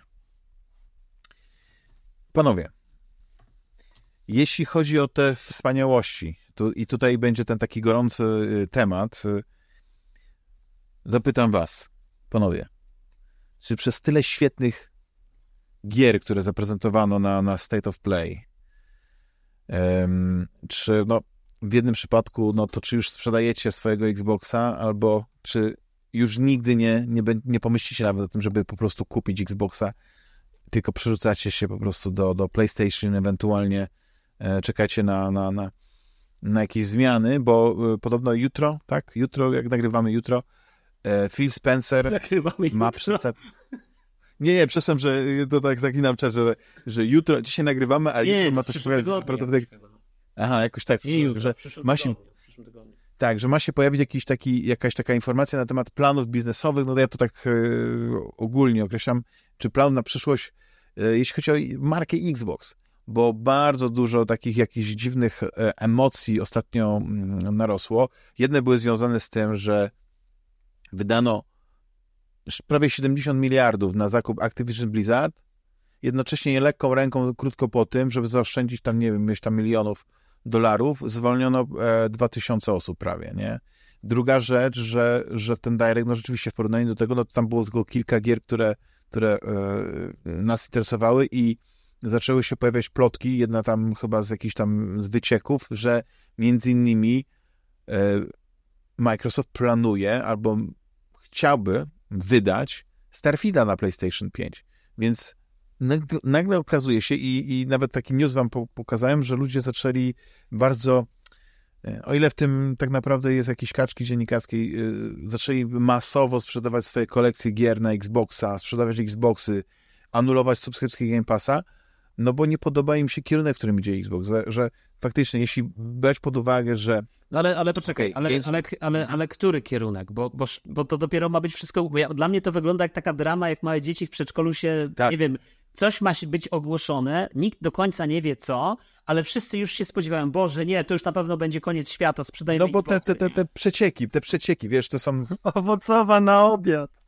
Jednak, a miała być... Ale właśnie chodzi o to, że nawet nie wiadomo, czy, czy to będzie ta, czy inna zupa, że może się w ogóle okazać, że, że to będzie deser będzie dodany do tego obiadu, jeszcze dodatkowy, drugi deser będzie. Ale nie, ale, ale, ale wiecie o co mi chodzi? Kinder czekolad. Nie, ale wiesz o co mi chodzi? Że chodzi mi o to, że, że yy, czy, czy faktycznie te przecieki naprawdę miały miejsce? Czy, czy te plany, które, mm, o których wspomniałem, naprawdę miały, y, mogą się... No ja na przykład słyszałem ostatnio taką, taką najświeższą y, plotkę gdzieś wyczytałem, że y, wyczytałem, czy, czy, czy, czy to w rozmowie wyszło z, z kumplem, że tam się pojawiły też takie, taka sytuacja, że Microsoft de facto teraz powoli, powoli chce się wepchnąć na, na PlayStation, wejść na PlayStation z Game Passem, I teraz jakby plan jest taki, że właśnie chcemy się z nimi troszeczkę zaprzyjaźnić, troszeczkę otworzyć te nasze gry, zacząć je wydawać, wiesz, na, na PlayStation, bo przecież to mogą w każdej chwili, każdy wydawca może to zrobić. Tu, tu, chyba, że nie wiem, Sony by im powiedziało, że nie, ale nie sądzę, żeby coś takiego zrobiło. I wiesz, i tak nawiązać, troszeczkę odbudować może tą relację, żeby, żeby wiesz, teraz czytałem przed chwilą gdzieś na jakimś Twitterze, że e, deweloperzy generalnie z, ze studiów związanych z Sony, tam jakiś deweloper wyraził taką opinię, że, że on generalnie, że to nie jest tak, że oni jako deweloperzy z kimkolwiek rywalizują. Ja się akurat w sumie bym z tym zgodził, że jakby deweloperzy się skupiają na tym, żeby zrobić najlepszą, najciekawszą, naj, najfajniejszą grę, nad którą aktualnie pracują. I nieważne, czy robią tą grę dla Nintendo, Sony, to już jest nadbudówka wynikająca z fanów, którzy mają ten jakby nieustanny, nieustanną potrzebę, stąd się biorą w ogóle, myślę, te wszystkie dyskusje, oni mają tą nieustanną potrzebę y, udowadniania przede wszystkim sobie, że dobrze wydali te 2,5 tysiąca, że kupili tą właściwą konsolę, czy właściwego PC-a, czy właściwe urządzenie i że to jest najlepsze, bo oni zgniatają całą konkurencję, nie? I stąd są oczywiście te dyskusje, bo jakby większość normalnych y, graczy, no to po prostu kupuje te czy inny sprzęt i, i po prostu gra w gry i się jakby... Ale trzeba pamiętać o dwóch rzeczach, y, Juliuszu. Po pierwsze, dużo złej krwi było y, podczas tego procesu bo Sony jednak nie chciało, żeby Microsoft kupił Activision. Ale to ja nie wiem, czy to było dużo złej krwi, no ale wiesz, to równie dobrze można odbić tą poprzeczkę i też powiedzieć, że dużo było złej krwi ze strony Microsoftu, który, nie wiem, chciał przejąć cały świat i, i potem mówić, że tak. będą wszędzie wydawać gry, nie? Więc wiesz. No tak, nie, ale, ale druga rzecz, okej, okay, no to tu jest kwestia interpretacji, no nie, ale druga rzecz jest taka, że no jednak mimo wszystko, czy, czy to ma sens, czy nie ma sensu, no to jest efekt pewnego, e, no zaczyna się coś dziać, nie? I ten, ten, znaczy, ten, wiesz, ten ja, ja tylko jedno słowo sprawia, że Microsoft musi odpowiedzieć. Wiesz, o co mi chodzi? Że, żeby to nie była samo sprawdzająca się przepowiednia, że... Nie, no, ale ja myślę, że... To... Ale co Microsoft powie? No Microsoft będzie... Ja ten jeden komentarz tylko zostawię, już oddaję głos y, Rafałowi, y, że jakby, wiesz, Microsoft powie po prostu, no słuchaj, no bo to się nie spina biznesowo, stary. Ten Starfield i to wszystko. Oni, oni wydali tego Starfielda. Ja wiem, że tam miliony graczy w to grają, ale uwierzcie, że ja na początku grałem w Starfielda też w chmurze, testowałem i generalnie ta chmura Microsoftu krótko po premierze Starfielda była zapchana. Się czekało, żeby grać w, w tym cloudzie, to, to się czekało na grę 10 minut. E, później 3 minuty, później 6 minut. Yy, dowolną grę tak naprawdę. Więc jakby obstawiam, że większość ludzi, którzy zagrali w Starfielda, to i tak zagrali w chmurze, a do chmury nie potrzebujesz ani Xboxa, ani PC-ta, wystarczy ci, nie wiem, tablet czy telefon z, z padem od biedy. W związku z tym, po, po, jakiego grzyba miałbyś kupować w ogóle konsolę? Po co ci jest ta konsola? Czy konsola, czy w ogóle, wiesz, czy, czy nawet PC, tak, żeby sprawdzić Game Passa? Nie potrzebujesz tego, stary. W przypadku Sony jest troszeczkę inna sytuacja, no, no, no, żeby, no właśnie, no żeby zagrać w tę grę, potrzebujesz muszą... sprzęt, nie? No właśnie, czyli oni muszą jednak udowodnić, no nie, że słuchajcie, znaczy, tak ja, ja uważam, że to, co ja bym musiał usłyszeć od nich, że słuchajcie, nadal jesteśmy e, częścią tego, tego, tego rynku sprzętowego. Nadal nam zależy na tym, żebyście kupowali naszą konsolę że Game Pass oczywiście my będziemy nadal go wspierać, rozwijać i, i to jest istotny, istotna część tego, co oferujemy. Ale Damian, ale, ale nie bójcie się Xboxa. Ale czy naprawdę tego oczekujesz? Zobacz, ja pamiętam te nasze wcześniejsze rozmowy. Wyszedł Starfield, nie kupiłeś Xboxa. Wyszedł, no nie wyszła Forza, nie kupiłeś Xboxa. Jakby Dlatego, że ja po prostu pożyczyłem Xboxa Series X. Nie no, grałem. rozumiem, ale miałeś kupić. Ale pamiętam, jak rozmawialiśmy o Starfieldzie. Pamię... Tak, pamiętam, jak rozmawialiśmy o Starfieldzie i miałeś kupić. I dzisiaj bym ręki nie miał, no. Czy jak to się... I dzisiaj byś ręki nie miał, stary, bo... tak. Tak, bo, ale nie no, rozmawialiśmy jeszcze przy okazji tych trailerów, tych, tak. gdzie było tysiąc planet i tak dalej, gdzie tak naprawdę, oczywiście część graczy no, to nabrała, a część graczy wiedziała, że wie, że to, co mówi Todd Howard, no to wiesz, no to tak jak, to teraz należy się zastanowić, jak znakomitym będzie Indiana Jones z Toddem Howardem, nie? Bo ten seal of Todd Howard, to ja nie wiem, czy to jest stary, czy to nie jest po prostu jakieś obciążenie się staje. No, oby, oby, oby, oby nie. No ale y, dobrze, to może... Może nie, wiesz co? Mhm. Ja bym tutaj jeszcze upatrywał w, e, jako takiej porażce Starfielda e, ten, ten ich e, gameplay, gameplay loop, który mają od Morrowinda. Czyli bierzesz questa, idziesz, czyścisz, e, bierzesz lód, sprzedajesz, coś tam robisz sobie w mieście i w kółko i w kółko to samo. Natomiast e, umówmy się, że ten Indiana Jones to będzie coś innego i to, że on gdzieś tam nad tym czuwa, jest producentem, to może wyjść, nie wiem, no może wyjść Widzisz, problem z Howardem jest trochę, że on ma ten, to, to swoją ksywkę Todd Kłamczuszek Howard, nie? I z jednej strony jego doświadczenie gdzieś tam, bo to jest olbrzymie doświadczenie i on zrobił mega hity. A w Skyrima ludzie cały czas grają i cały czas wychodzą update'y do tej gry. E, może to jest kwestia tego, że Starfield nie jest tak otwarty. Może dlatego, że y, ludzie, którzy przy nim robili, stwierdzili, że on jest, to jest gówno, bo y, jeżeli chodzi o bebechy, że tego się y, bardzo się ciężko moduje. E, bo Skyrima, że przynajmniej z tego, co ja słyszałem, i Obliviona, i Morrowinda, robił zasadniczo niewielki zespół, który y, po pierwsze nad lore czuwał, bo tam jest bardzo rozbudowana lore, a drugie, że to byli pasjonaci i mimo, że te gry były zepsute, to one były zepsute w jakiś tam konkretny sposób, gdzie ludzie siadali i byli w stanie sobie z tego zrobić, y, do tej gry zrobić mody, z tego coś tam wyciągnąć. Natomiast przy Starfieldzie były wszystkie ręce na pokład, ludzie poddelegowani z innych studiów i ten kod jest jakimś y, śmietnikiem. I może Todd Howard, mimo że y, wiecie, no nie jest, y, nie ma dobrej renomy, ale ma doświadczenie i on będzie w sumie to spinał, nie? To czuwał nad tym, nie? W jakiś tam sposób, y, bo jednak, co by nie mówić, to gry Morrowind od Morrowinda miały super, super lore, niekoniecznie miały super questy, ale miały bardzo fajnie to wszystko podopinane i może właśnie o to chodzi, nie? że ktoś, e, żeby nad tym pospajał to jakoś tam, nie wiem, w, w, konkretny sposób. Może to jest jego rola, a może jest tylko nazwiskiem, jak często producenci są tylko nazwiskami, e, w, na przykład w branży filmowej, nie? I, i, I może po prostu potrzebowali tego producenta, żeby Disney e, wiedział, że ktoś duży czuwa nad tą marką. Rozumiecie o co chodzi, że Disney mówi, no dobra, ale dajecie to jakimś ludziom Machine Games, tak? Czy tam Machine Head, już nie pamiętam jak się nazywają. Mówię, Machine mówię, Games, co, tak. ja mówię, ale jako, jako ta osoba z, z Disneya I, i, co oni zrobili? No zrobili Wolfensteina, to jest jakaś strzelanka prymitywna, a my tutaj dajemy wam nasze drugie najważniejsze IP, no to słuchajcie, to jest, nawet ich nazwisk nie umiem wymówić, dajcie kogoś dużego. I oni myślą, mówimy, damy wam to dla Howarda z Bethesdy, e, on będzie e, on będzie nad tym czuwał. On mówi, Todd Howard, no jasne, przecież ja grałem w, e, od, od wielu lat w jego gry, dobra, niech będzie on. No to są super gry, więc i tak, i może o to chodziło, że on jest tylko nazwiskiem, które ma, nie wiem, czuwać nad tym kontaktem, nad, nad, nad tą marką, nie, nad, nad franczyzą. E, a i tylko tutaj, to też może być taka opcja. Natomiast co do samej, samego tego ogłoszenia wielkiego, po pierwsze, ja uważam, że oni e, testowo wypuszczą parę gier i myślę, że to będzie e, Ori, myślę, że to będzie Hi-Fi Rush i może zapowiedzą tego Starfielda testowo. Trochę się w sensie tutaj zgodzę. Zobaczę jak to... na PlayStation, tak. Mhm. Ja czytałem na przykład taką analizę, że im się konsole Xbox się im nie spina, że za mało hardware'u sprzedają i oni będą chcieli się skupić na Game Passie, ale też mają tyle studiów, i to jest, no jednak ileś tam gier zapowiedzianych, że może ten Game Pass to jednak jest za mało i może lepiej wrzucić za 60-70 baksów do, do Stora, bo tutaj jest pieniądz, to jest gigantyczna baza, to są setki milionów yy, graczy domyślnie i niekoniecznie ten Game Pass musi wejść.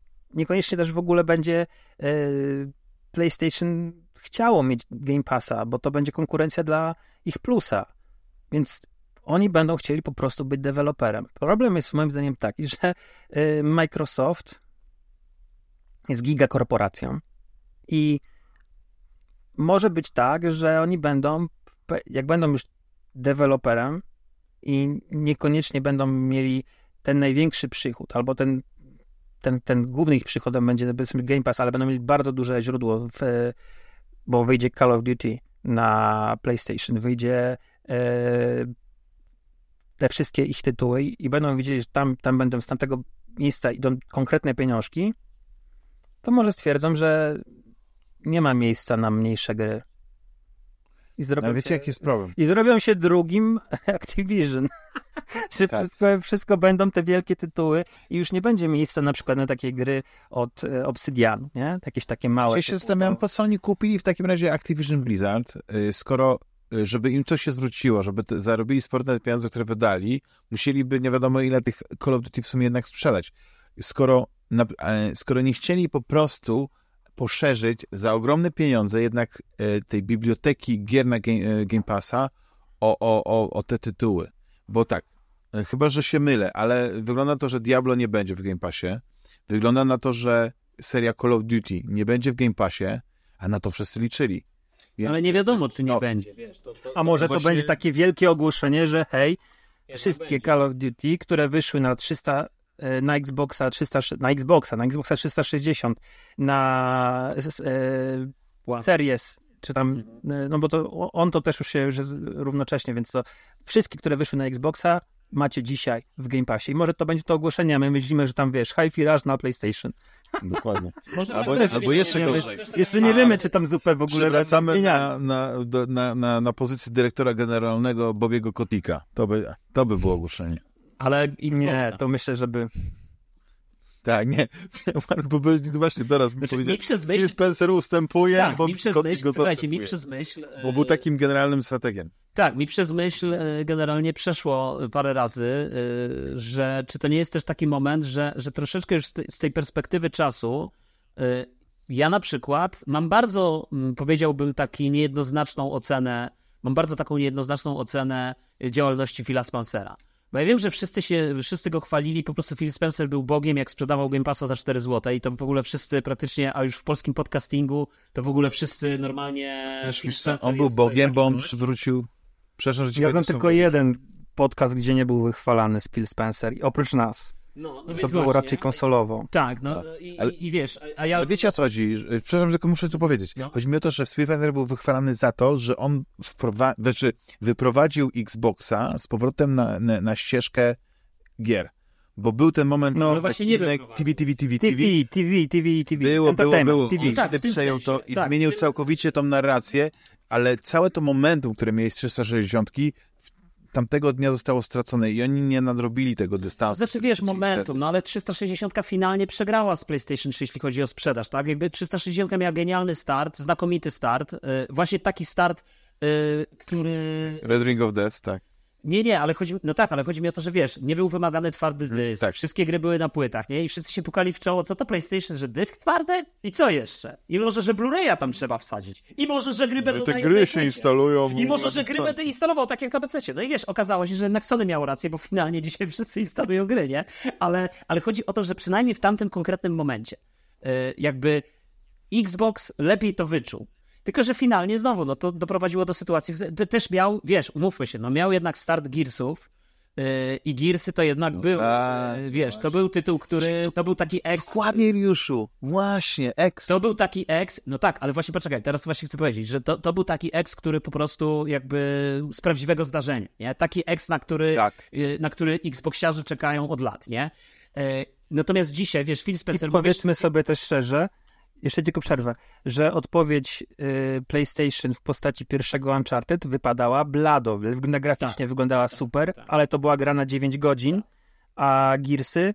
Nie, no, Gears grało to... się i grało. Znaczy, Gearsy, pierwsze Gearsy to była taka jakość...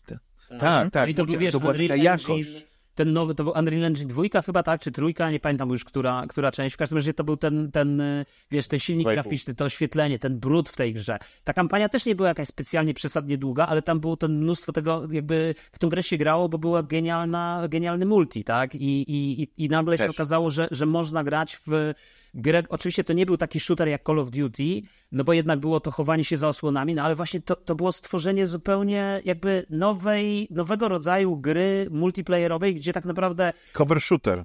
No, jest, jest wiesz, i Natomiast mówicie o tym, y, Dachman, ty wspomniałeś, że, że Phil Spencer sprowadził tego y, Xboxa na, na, na te nowe tory gier. Downieść na ścieżkę. Tak. I mówisz o tym, że, że, że, że tak jak wcześniej to była ta przystawka do telewizora i to multimedialne centrum, no będzie teraz multimedialne centrum domu i będziesz robił pajacyki przed Xboxem, a on ci będzie przełączał kanały na y, różne stacje telewizyjne, nie? Zgadza się, tylko to mi troszeczkę przypomina, to chwalenie tego Spencera, jak, jak, jak dawanie nagrody Nobla komuś, kto dopiero wszedł na fotel prezydenta, stary, nie? Jakby Phil Spencer tak naprawdę, jak teraz spojrzysz z perspektywy czasu, no okej, okay, dobra, odeszli od strategii i skupili się na czym? No skupili się na tym, że nie będzie Expo, że Kumaja, że wszystkich kochamy i że tak naprawdę Exy to jest przeżytek. No i stary, po trzech latach Exów na Xboxa masz jak na, na lekarstwo. Te największe Exy, które wyszły, to było po prostu totalne rozczarowanie. To się nie spina, stary. Przejęli, wiesz, to jest coś, co ja y, mówię jakby cały czas, nie? Że jakby przejęli Activision Blizzard.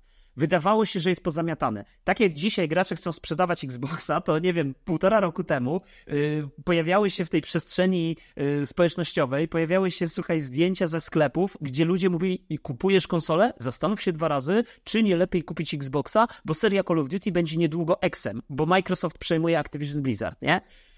No i wiesz, i, i, i patrzysz na to, co się dzieje, patrzysz na to, co, jakby w którą stronę to zmierza i moim zdaniem oni ponieśli totalne fiasko, stary. To jest naprawdę totalne fiasko. No nie wiem, ostatnia sprzedaż, już nie pamiętam, czy to jest 50 do, do, do 30, czy 25, czy 40 do 20 e, w milionach egzemplarzy, ale też uzmysł, uzmysł, należy sobie uzmysłowić, że ta sprzedaż Xboxa Series, generalnie Series, tak, bo to jest X i S, to jakby większa część tej sprzedaży to jest Series S to jest konsola, która jest, kurczę, no umówmy się, jasne, on, oczywiście ona ma rozwiązania technologiczne y, z, tej obe, z tej obecnej generacji, tak, czyli te, które były kiedyś nowe, no ale to jest w dalszym ciągu sprzęt, który, no wiesz, no jakby technologicznie, czy, czy jakby, jasne, podłączysz go do telewizora HD, jest wszystko super, ale jak ktoś już sobie, a dzisiaj myślę, że z każdą, z każdą chwilą, z każdym rokiem, z każdą minutą, tych telewizorów, ludzie, jak ktoś wymienia telewizor, to już przecież nie kupuje tych, kupuje te 4K, te, zresztą te telewizory 4K i tak dzisiaj są, kosztują grosze, nie? W sensie już za tam, nie wiem, półtora tysiąca, wiadomo. No tak, no, przecież dopłacasz za, za OLEDa, dopłacasz za te HDR i Dokładnie. To, takie rzeczy. Wiesz, ale, ale telewizor 4K, taki zwykły do oglądania telewizji z 60 Hz z przyzwoitą jakością obrazu, to myślę, że możesz dzisiaj kupić za 2000, nie? No w Biedronce, tak, za, za 500 zł jest na No w Biedronce za 500 zł kupisz jakąś mantę pewnie czy coś, ale to będzie dziadostwo, nie? Ale chodzi mi o to, że wiesz, że ta, mimo wszystko ta dostępność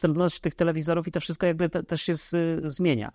Natomiast dlatego ja mówię, mi przez myśl przeszło parę razy, czy to nie jest tak, że Phil Spencer w końcu ustąpi, nie? No bo jakby finalnie, moim zdaniem, on nie miał pomysłu. W ogóle to jest największy no chyba tak. dla mnie zarzut do Microsoftu. Nie, no on że... miał pomysł, miał pomysł pewien. Ale to dokończ. No to zaraz mi powiesz jaki, bo z mojej perspektywy, tak jak ja patrzę, to moim zdaniem Phil Spencer nie ma żadnego pomysłu na Xboxa i Microsoft nie ma żadnego pomysłu, jak chce widzieć, bo wiesz, ja jakbym był ja jestem, znacie mnie, ja jestem, ja jestem brutalny, ja, ja, jestem, ja jestem jak nasz prezydent. I ja słuchaj. Jak Tommy Lee Jones ściganym. Ja po prostu, słuchaj, ja po prostu bym tak powiedział. Przejmujemy Activision Blizzard, Day One, kasujemy wszystkie tytuły na PlayStation, wszystkie gry wychodzą tylko na Xboxa i ewentualnie na PC-ta, w drugim rzucie na PC-ta i przede wszystkim, stary, tym zaczynamy wygrywać. I chcesz mieć Call of Duty? Game Pass. Chcesz grać, stary, w Diablo? Game Pass. Chcesz mieć kolejne dodatki do DLC do Diablo? Game Pass, Xbox, Game Pass, Xbox, PC. No, ale... I koniec. No I właśnie, się, oni to musieliby mieć... Moim zdaniem polityka kochones. grubej krechy. I się kończy w ogóle, nie ma dyskusji, nie ma rozmowy. I w... bo, bo tak jak ja rozumiem, i wtedy to robisz. Bo drugie, z drugiej strony, to jest tak jak Rafał mówi. Czy faktycznie, ja, ja, ja, ja jestem powiedzmy może bardziej e, naiwny w swoim myśleniu, ale Rafał mówi i ja się z tym też gdzieś jakaś cząstka we mnie się z tym zgadza, czy naprawdę PlayStation ich kiedykolwiek wpuści Game Passa yy, na, na swoją platformę? Być może, jeżeli by to zrobiło, to, to musiałoby fundamentalnie zastanowić się nad koncepcją PS Plusa. A moim zdaniem, to co w tej chwili widzimy, czyli z jednej strony Game Pass za te 60 zł, czy tam 59 czy 39, ten PC-owy wyłącznie to chyba 39 kosztuje, albo, albo, albo trochę mniej. I ten Ultimate, który jest konsolowy, tam jest chyba 59 czy 69, czy ileś, czy, czy 73, nie wiem ile już teraz kosztują te, te, te pakiety. Wiesz, to, to PlayStation Plus pokazuje moim zdaniem troszeczkę ciekawszą strategię, bo jednak na PlayStation Plusie możesz kupić ten za 30 zł, totalnie najtańszy, czy tam nie wiem ile on kosztuje, ten ekstra, i w dalszym ciągu dostajesz gry za darmo co miesiąc może nie najlepsze hity, może nie największe gry, może to są odgrzewane kotlety, ale czasem wpadają fajne gry i cały czas wpadają mm. fajne gry. Znaczy nie opłaca tak się, uważam, że wpadają na premierę i Co? Ale musisz mieć, jeżeli chcesz grać, Online. Tak, Online. musisz mieć online. także czy się opłaca, czy się... Jeżeli kupujesz e, konsolę dla FIFA, dla paru tytułów, teraz już nie wiem, to jest football, czy tam co się nazywa, kupujesz grę na przykład właśnie pod multi, to musisz mieć plusa, więc teraz pytanie, czy będziesz korzystał z tej całej biblioteki, czy będziesz korzystał z demek, czy będziesz korzystał z e, rzeczy streamowanych na, na PlayStation 3, czy po prostu dostaniesz trzy gry miesięcznie i to było na przykład Evil West e, Tak. jakiś czas temu. W zeszłym miesiącu. To w zeszłym miesiącu, nie? Czy w tym, w tym miesiącu dostałeś Foam Stars, e, ale umówmy się, że ta usługa, ona wypromowała pewne gry i na przykład e, ta piłka nożna samochodami, Rocket ona League. cały czas funkcjonuje. Zapom- Rocket League. A przecież to weszło na dzień dobry w plusie. I ja mówię, "Ue, nawet tego nie dodałem, nie? Mówię, jakieś tam, a nagle to się okazało jakiś totalny hit. Tak samo było to z tymi śmiesznymi ludzikami, które tam biegają, e, już teraz zapomniałem, ale mamy okładkę nawet z tego zrobioną do, do odcinka. Tak. Mm, takie śmieszne ludziki Michelin prawie Mhm. biegały. E, kurde, teraz nie mogę sobie przypomnieć i pewnie sobie nie przypomnę. Ja, ja, nie. A, Kiedy to było? o Jezu, to było dawno, dawno temu. E, ze trzy lata temu albo dwa lata temu i też to wypromowali ten tytuł. Pytanie drugie na, w Mm. naszej sądzie po muszelkach. Fall Guys. to było- Fall Guys to się nazywało. Fall Guys i to cały czas ma nowe sezony i cały, cały, cały czas i się, i się klony pojawiały i to też weszło na dzień dobry w plusa. I to, e, to było jakoś, wiesz, 2020 rok, pandemia i grali w to wszyscy. Więc plus ma taką, teraz wchodzi Foam Stars i ono ma taką moc, że wiesz, że dostajesz w tym pierwszym pakiecie gierkę multiplayerową i ludzie ją sprawdzają i nagle się okazuje, że to cior. Też była jakaś gra, którą uratował w ogóle plus. Yy, też jakiś multiplayer, że to trafiło do plusa i nagle skoczyło, już teraz sobie nie przypomnę, ale to było chyba w erze 360 i, e, i tego, i wchodziło PlayStation 4 i to, to, to już sobie nie radziło na poprzedniej generacji i dali to w free play e, do tego, czy free, no to, to, to dali to do, do plusa i to w ogóle też im jakieś skoczyły niesamowite wyniki. No Także- pe- Mhm.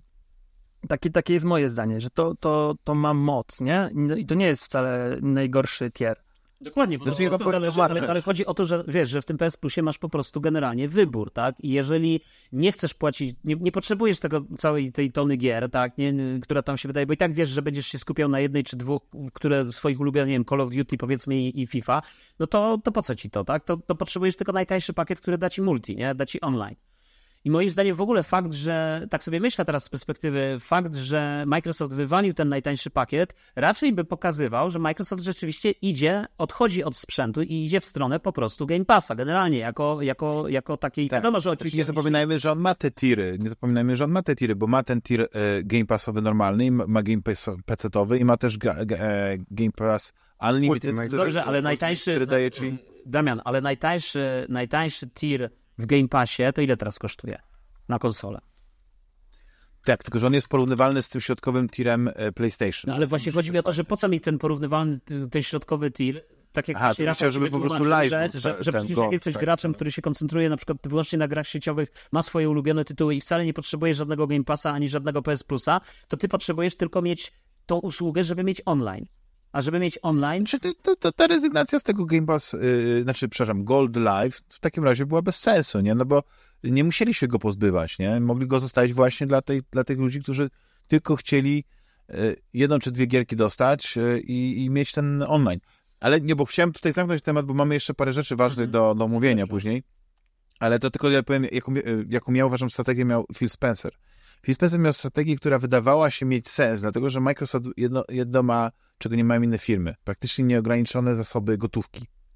I on doszedł do wniosku, że, że takim mm, szybkim sposobem na to, żeby mieć dużo świetnych gier, to jest kupienie dużej liczby studiów, które te świetne gry będą robić. Tylko okazało się, że za każdym razem, kiedy kupujesz jakieś studio, to nagle ono wcale już, już przestaje te hity wydawać. Wiecie, bo to jest tak, że nie za każdym razem jakby sequel udaje, się- udaje się sequelowi e, powtórzyć e, sukces y, pierwszej części i dlatego moim zdaniem on się wyłożył przede wszystkim na tym, że wydali mnóstwo pieniędzy, kupili mnóstwo studiów i praktycznie żadnych takich hitów na miarę tego, Nie co... dostarczyło. Słuchajcie, tak, ale co ja muszę posypać PlayStation. popiołem teraz.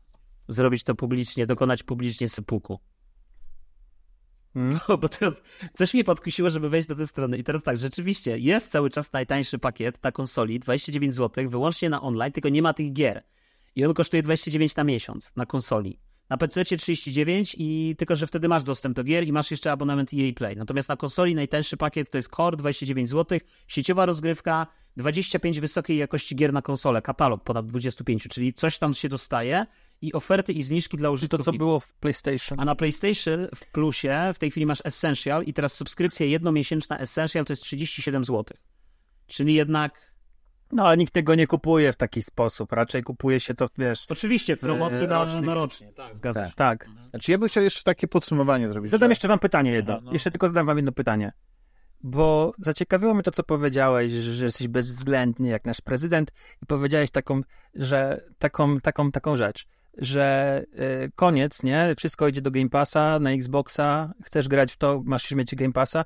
Czy Microsoft nie mógłby zmienić w ten sposób środowiska PC? Czyli wycofujesz gry te, które możesz wycofać, bo które nie są jakoś obwarowane jakimiś tam licencjami z, ze Steama i zostawiasz, już nie wydajesz na Steama, nie wydajesz na Epica, tylko masz swój launcher game passowy i chcesz grać w te gry, czy, czy to by zmieniło środ... No to już ci odpowiem. jakoś... Ale masz Ci launcher. odpowiem. To, Masz to im nie wypaliło. To im nie wypaliło totalnie. Ten Ale launcher ja jest wiem, o czym, beznadziejny. nie, ale ja wiem, o czym mówisz. Ale nie ma, ale to jest tak, że masz e, ich launcher, Tak. ale masz gry Możesz kupić na na Steamie. Steamie osobno. Masz gry... Tak. Tak, No i tak ludzie jest teraz, na Steamie, bo tam mają całą bibliotekę. Ale oni to odcinają i już ich gry się nie pojawiają nigdzie, tylko w ich środowisku. Tylko w ich środowisku. Znaczy, jeśli Microsoft chcieliby wymusić każdą grę, którą- e, ekskluzywność. Ale oni tego nie robią, bo taką teraz, ekskluzywność. Bo oni wprowadzają gry No na wiem, Steama bo- teraz. Oni wprowadzają gry na Steama. No ja swoje. wiem o tym, dla, dlatego i, i zawsze wprowadzali z tego, co ja rozumiem. Nie, nie, właśnie te, e, kiedyś nie było tych Forts, nie było na Steamie, nie było... Tak, ale, ale panowie, Halo dlaczego nie wprowadzają te gry na Steama, tak? Dlaczego, dlaczego Starfield jest sprzedawany na Steamie i ludzie kupują Starfielda na Steamie, tak? I dlaczego, y, I dlaczego potencjalnie spodziewamy się tego, że Starfield wyjdzie na PlayStation 5? Bo moim zdaniem cała koncepcja wrzucania, i, i też za to było Sony wiele razy krytykowane przez naszych słuchaczy i, i, i zaprzyjaźnionych słuchaczy i tych słuchaczy, którzy tylko tu przychodzą, żeby nam na, nawrzucać, y, to oni, to oni, proszę Państwa, y, jakby jak- Sony y, było mocno krytykowane właśnie za to, że, że nie ma tych gier od Sony Day One, tak? No bo Sony po prostu wie doskonale i zresztą myślę, że każdy księgowy doskonale wie, że dużo lepiej jest sprzedać grę za 300 zł niż kuźwa za, sprzedawać ją za 69 zł w abonamencie, czy To jest, 70 to jest jak skinem. Już to jest jak skinem. No, oczywiście są, e, są filmy, które e, możesz obejrzeć na jakiejś platformie VOD i one się pojawiają w tym samym czasie w kinie, ale od zarania dziejów zawsze one najpierw wychodziły do kina, tam robiły ten box office, a po kilku miesiącach zaczęły wychodzić na DVD, na VHS-ie, no i teraz na Blu-rayu, chociaż tam zanika i dopiero po jakimś czasie, jak one już zarobiły to, co miały zarobić, to one wchodziły, te, teraz wchodzą na przykład na platformy streamingowe, tam zyskują drugie życie, bo czasami jest tak, że film, który y, nie został odkryty w kinie, nagle y, przez tą ekspozycję, na przykład na takim Netflixie czy jakimś innej platformie, on, on dostaje. To jest dokładnie to, co opisał y, kilka minut temu y, Rafał, no nie? Mówiąc o tych tytułach, które, które y, były zapomniane, jak na przykład, nie Among Us. Nikt się nie interesował Among Us, a nagle Mhm. ten Among Us się gdzieś pojawił, on trafił do, do, do, do mainstreamu. Ja nie wiem z jakiej to przyczyny, czy to była kwestia tego, że właśnie w No tak, pandemii to wiesz, się okazało, tak, ja, ja, ja, grał. Ja, Tak. zmierzam, ja tylko zmierzam do tego i, i chciałem tylko to powiedzieć, że jakby Microsoft też ma tego wbrew pozorom świadomość. I ja nawet jestem w stanie się założyć, że tam wewnętrznie są gigantyczne tarcia, o których my nie wiemy, bo, bo to jest korporacja, to się gdzieś tam wewnętrznie dzieje, ale ja Tak. idę się założyć o to, że tam jest ciągła walka między działem księgowych i rozwoju biznesu i tak dalej, a działami tych marketingu i w ogóle tych PR-owców od Spencera i tej całej bandy, bo oni po prostu wszyscy jakby mówią, to się nie spina, to się nie spina, to się nie będzie spinać przy 30 milionach użytkowników, to się nie będzie spinać przy 50, to się zacznie może spinać przy 200 albo przy, przy 300, nie? I jakby, a, a patrzymy, minęły 3 lata i oczywiście Game Passowi wzrosło, ale słuchajcie, no jak spojrzymy z perspektywy czasu, to czy faktycznie aż tak wzrosło? No wzrosło, ale kurde, to oni się zatrzymali znowu na tych 30 milionach i to stoi w tych 30 co? milionach, nie? Po raz, po raz trzeci spróbuję zakończyć ten temat, No. ale te, te, bo tak chcesz miał, chcę mieć ostatnie zdanie, ale widzę, że tutaj wszyscy chcecie mieć ostatnie zdanie. Jak Nie, nie, ja tylko rzucam, ja tylko rzucam jeszcze, to, to ja w takim razie tylko jeszcze powiem e, ostatnie zdanie swoje. Ja tylko mówię, że ta, to powinna być, jakby filozofia odejścia od eksów jest moim zdaniem y, kompletnie, y, kompletnie poroniona. To znaczy, nie ma Tak. czegoś takiego w świecie gier, jak brak eksów i w świecie... I ja rozumiem, że gracze mogą jak mantra mówić, przecież się nawet pojawiają takie artykuły wielkich mędrców polskiego gamingu, wielkich y, tus dziennikarstwa y, polskiego growego, którzy mówią, ja jestem wielkim przeciwnikiem eksów, uważam, nawet ty Damian tak mówiłeś, że ja jestem wielkim przeciwnikiem eksów. Ja to rozumiem, ale to przeczy logice. Jeżeli nie będzie eksów, stary, to jaki ma sens, czy kupujesz Xboxa, PlayStation, czy Rafał Nintendo? jest świadkiem. Jeżeli nie ma, jeżeli nie ma eksów, to ja równie dobrze mogę sobie kupić telefon, podłączyć Game Passa i będę sobie we wszystko kuźwa grał na telefonie. To zabija całkowicie, wiesz, jeżeli nie ma eksów, Wydaje to, mi to się, po co mi jest pad do PlayStation? Po co mi jest haptyczny feedback? Po co mi jest jakikolwiek rozwój w ogóle technologiczny? Mhm. Niepotrzebny. Moje ostatnie słowo. Moje ostatnie słowo. Damian jest, Damian jest takim gościem, który chciałby, żeby wszyscy trzymali się za ręce, oprócz y, tych od Nintendo Switcha i śpiewali razem Kumbaya. Nie, akad by... Ale, ale nie. Bo tych od Nintendo Akurat Switcha dokładnie do, do to obozu.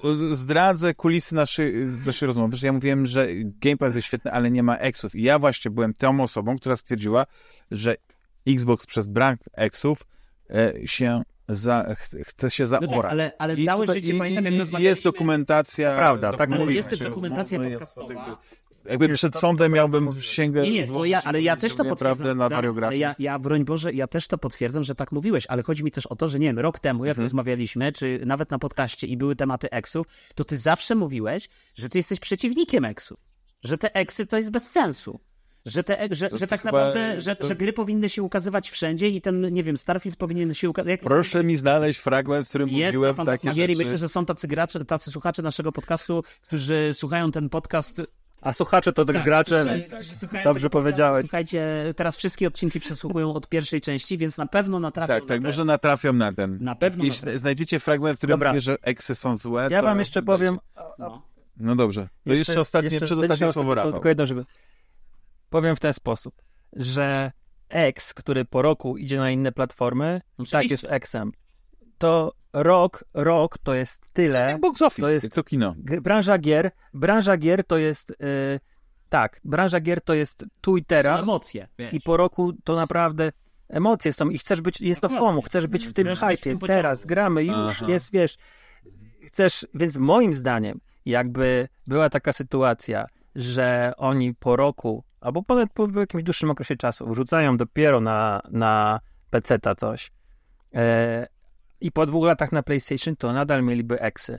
I ludzie i to musi być jasny komunikat. To musi być, to nie może być tak, że za zobaczymy, bo, bo PlayStation nie dało Day One e, swoich gier do, do, do na. PC-ta. Tak.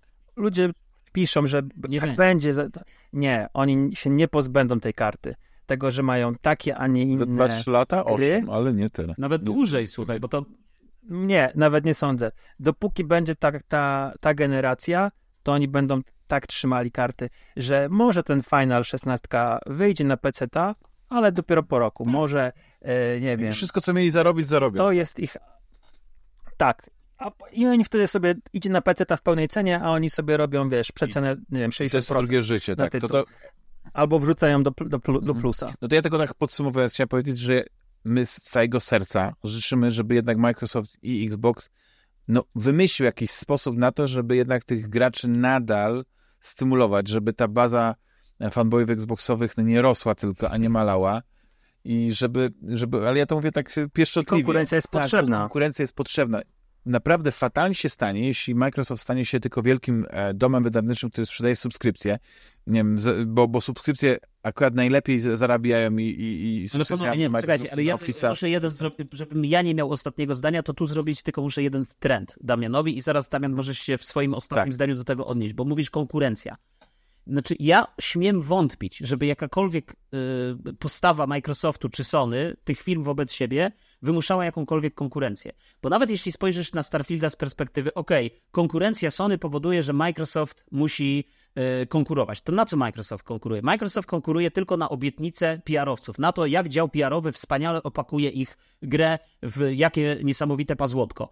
A finalnie, jak patrzysz na Starfielda, no to umówmy się, no jakościowo to, to nie jest gra, która może konkurować z tymi AAA-ami y, od Sony, tak? Y, I nawet nie mówię o tymi, które teraz wyszły, tylko w ogóle spójrzmy na to całościowo.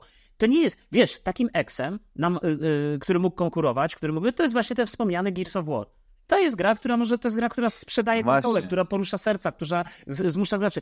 I teraz mówię, przecież Microsoft i pozycja Microsoft, Sony, przepraszam, w tej, w tej generacji była znana. Jakby Microsoft od początku jest tym challengerem, od początku musi gonić tego króliczka. Sony zawiesza poprzeczkę. Wszyscy wyzywają Sony, wszyscy się śmieją, że to są gry klepane z taśmy i tak dalej. Okej, ale one są jakieś. Te Spider-Many są fajne, Ratchet jest fajny, y, Ghost of Tsushima był niesamowitym odkryciem w ogóle znikąd, które się pojawiło. To wszystko ma ręce i nogi. God of Tak, War. to, God of War jest zarąbiste. To wszystko ma ręce i nogi, tak? To wszystko się spina, to wszystko się broni, ta konkurencja jest rzucona rękawica. Czym, i teraz zobaczcie, ukazał się Ghost of Tsushima, ukazał się God of War, ukazał się God of War Ragnarok. Co w tym czasie zrobił Microsoft? Co doprowadziło, że Sony mówi, nie, no my musimy się postarać. No tak, musimy się postarać, bo High Firage wydali, nie? Jest Super konkurencja, musimy przewyższyć High Firage. Ja rozumiem, wiesz, niczego nie mówiąc, fajna gierka, High Firage i tak dalej, chociaż mnie nie wciągnęła, ale fajna gierka, ale finalnie, jaka to jest konkurencja? To nie jest żadna konkurencja. Dobrze, to bo to wcięcie się przedłuża. przedłuża Dobrze, się. już cię wiem. Ja, ja rozumiem, rozumiem cię. Więc y, ostatnie słowo moje jest takie, że jest piękne takie powiedzenie, po owocach ich poznacie. Oczywiście. Zobaczymy, co Microsoft zaprezentuje na tym, na tym, y, na tym cokolwiek to będzie, czy to będzie konferencja, oświadczenie, czy jakaś, jakiś, y, nie wiem, nowy direct, czy cokolwiek, ale Żółta plansza. można powiedzieć, że y, wszyscy patrzą na Microsoft tak. Kim byli, gdzie pracowali, czym się zajmowało, to prawie 2000 osób. Czy to byli ludzie, którzy byli odpowiedzialni za przykład, nie wiem, za Za pudełka, no nie, było. wersje pudełkowe y, gier właśnie, czy, czy za rozwój Game Passa, czy na przykład, nie wiem, y, business development, czy na przykład to byli skauci, którzy szukali e, talentów w jakichś małych studiów. Przecież jest cały, na całym świecie jest tysiące studiów, które robią fantastyczne gry, których nikt nie odkryje, bo po prostu one nie mają siły przebicia, ale ten talent trzeba wydobyć. Może tam y, cokolwiek będzie, ale jeśli nie będzie kolejnej części Gearsów, ale nie kolejnej takiej jak ta, ta ostatnia, tylko o mocy takiej jak, jak, jak e, u zarania popularności Xboxa, to prawdopodobnie e, Xbox będzie nadal pikował. Mam nadzieję, że to się zmieni, bo ja jestem związany emocjonalnie z Xboxem. Przez wiele lat byłem e, fanboyem Xboxa. Teraz jestem fanboyem wszystkich platform, bo ja oczywiście nie, nie, nie, nie, nie tak, Nintendo mam, gram i się kurzy. Ale chodzi mi bardziej o to, że ja po prostu, jeśli mogę, gram na wszystkim, ale zauważyłem faktycznie, że Xboxa nie odpalam, no i, i nie mam takiej potrzeby, bo, bo, bo y, nie ma takiej motywacji, nie ma tego killer appa, który mówi, no teraz to już naprawdę muszę iść po to Series X do, y, kupić, bo inaczej w, to, w tą grę, która teraz wychodzi, nie zagram, a przy PlayStation 5 takich tytułów przynajmniej było kilka i, i to. Ale to jest temat, ja tu zamykam, dziękuję za ostatnie słowo, panowie, gorąca dyskusja, po prostu nie wiem, jak my tutaj zdążymy wcisnąć te wszystkie inne rzeczy. Ty jesteś jak ten, jak. Szpakowski, który zawsze na koniec moczy takie expose wygłosił. Wy, musi wygłosić. Ale ja nie mam twojego talentu oratorskiego, który by to tak pięknie przedstawił. Nie, no jak, jak I po raz kolejny widzimy, że Microsoft i Sony, mimo To... Dobra, to okej, bo to, to już... to wyższego starcia, to już sobie tak, tak, tak, yy, nadal będą po prostu ścierać. Piłka jest jedna, bramki są dwie i A i tak wygrywa. Wiesz, gra Microsoft i Sony, a wygrywa Nintendo. lepszą drużynę. Zawsze. Jest dwóch zawodników, a zawsze wygrywa Nintendo. Panowie, yy, w takim razie wszystko, co miałem jeszcze tam zachowane, to ja powiem, że zamykam i zostawimy tylko w co ostatnio graliśmy. Yy, Ja w takim razie powiem w ekspresowym skrócie, w co ostatnio grałem, bo byłem niedawno, tak z, z parę tygodni temu na Amiga Ireland i tam yy, zobaczyłem małą, fajną grę niezależną, która się nazywa Roguecraft i o tyle yy, ciekawe jest to, że ta, ta gra jest właściwie za darmo. Nie wiem, jest taki serwis itch.io, czy coś takiego się nazywa. Ja może dam linka do tego, do, do, do tego serwisu. Rowcraft, gra jest na Amigę, więc trzeba od razu emulator Amigi sobie zainstalować, ewentualnie zrzucić to na dyskietkę. I to jest taka bardzo prosta gra, łącząca elementy właśnie roguelike'a, bo to stąd ten rogue, i craft, bo e, od- odnoszący się do, do, do Lovecrafta. I chodzimy po takich e, 10 poziomach lochów, bardzo prostych. Gra jest e, w rzucie izometrycznym, e, naprawdę ślicznie narysowana I właściwie polega na tym, że wybierając sobie bohatera, czy, czy, czy rycerza, czy maga, czy tam jeszcze chyba właśnie, nie wiem, e, e, łotrzycę lub łotra, bo już nie pamiętam, czy tam w ogóle można wybrać płeć, my chodzimy po tych, tych, ale to jest na takiej zasadzie, że kiedy my wykonujemy ruch, prawda, wchodzimy z, y, nie wiem, z, z kratki do kratki, tak, że tak się wyrażę, wtedy też świat wykonuje ruch. Czyli jest taka rodzaj takiej taktyki w tym wszystkim. I naprawdę gra jest fajna, y, prosta, przyjemna i za darmo. Y, druga gra, w którą, którą gram, no to w ogóle pod wpływem emocji, e, po tym jak Juliusz tak zachwalał te Prince of Persia, to tak zacząłem w ogóle sobie przypominać, jak to się świetnie grał w te stare gry Prince of Persia i okazało się, że y, są, są Prince of Persia, w której nie grałem, albo przynajmniej nie pamiętam, żebym je skończył. Między innymi wersja na Xboxa 360 The Forgotten e, Sands, chyba tak się nazywa. Sand. Tak, i na PlayStation Portable, ulubioną konsolę Juliusza, też jest wersja e, e, for, e, Forgotten czy Forbidden Sands? No, ja coś przekręcam. E, Zapomniane piaski. Tak, Forbidden czyli Forgotten Sands, tak. I, I to jest zupełnie też inna gra niż ta duża gra. To jest taka bardziej platformówka. Ona się dzieje między jedynką a dwójką chyba, nie? Dobrze kojarzę? Tak, tak. To jest taki łączący pomost Mhm. między e, piaskami czasu a, e, Tak, a, a, a Tak. tym drugim, kurde, teraz to nie było Warrior Within, tylko Two Thrones, pomóżcie. Tak, dwa trony. dwa trony. No i jest jeszcze jedna gra, Rival Swords, która też na PSP wyszła. E, Ona jest, zdaje się, właśnie chyba e, jakąś tam inną wersją e, znowu kolejnej gry, ale to już, to już nieważne, więc w ogóle te popy się świetnie e, sprawdzają na, na, na PSP, chociaż zapominam, że, że to były gry, które, które się grało właśnie w takiej ilości klatek typu 20 i był człowiek szczęśliwy, no ale to już jest inna bajka.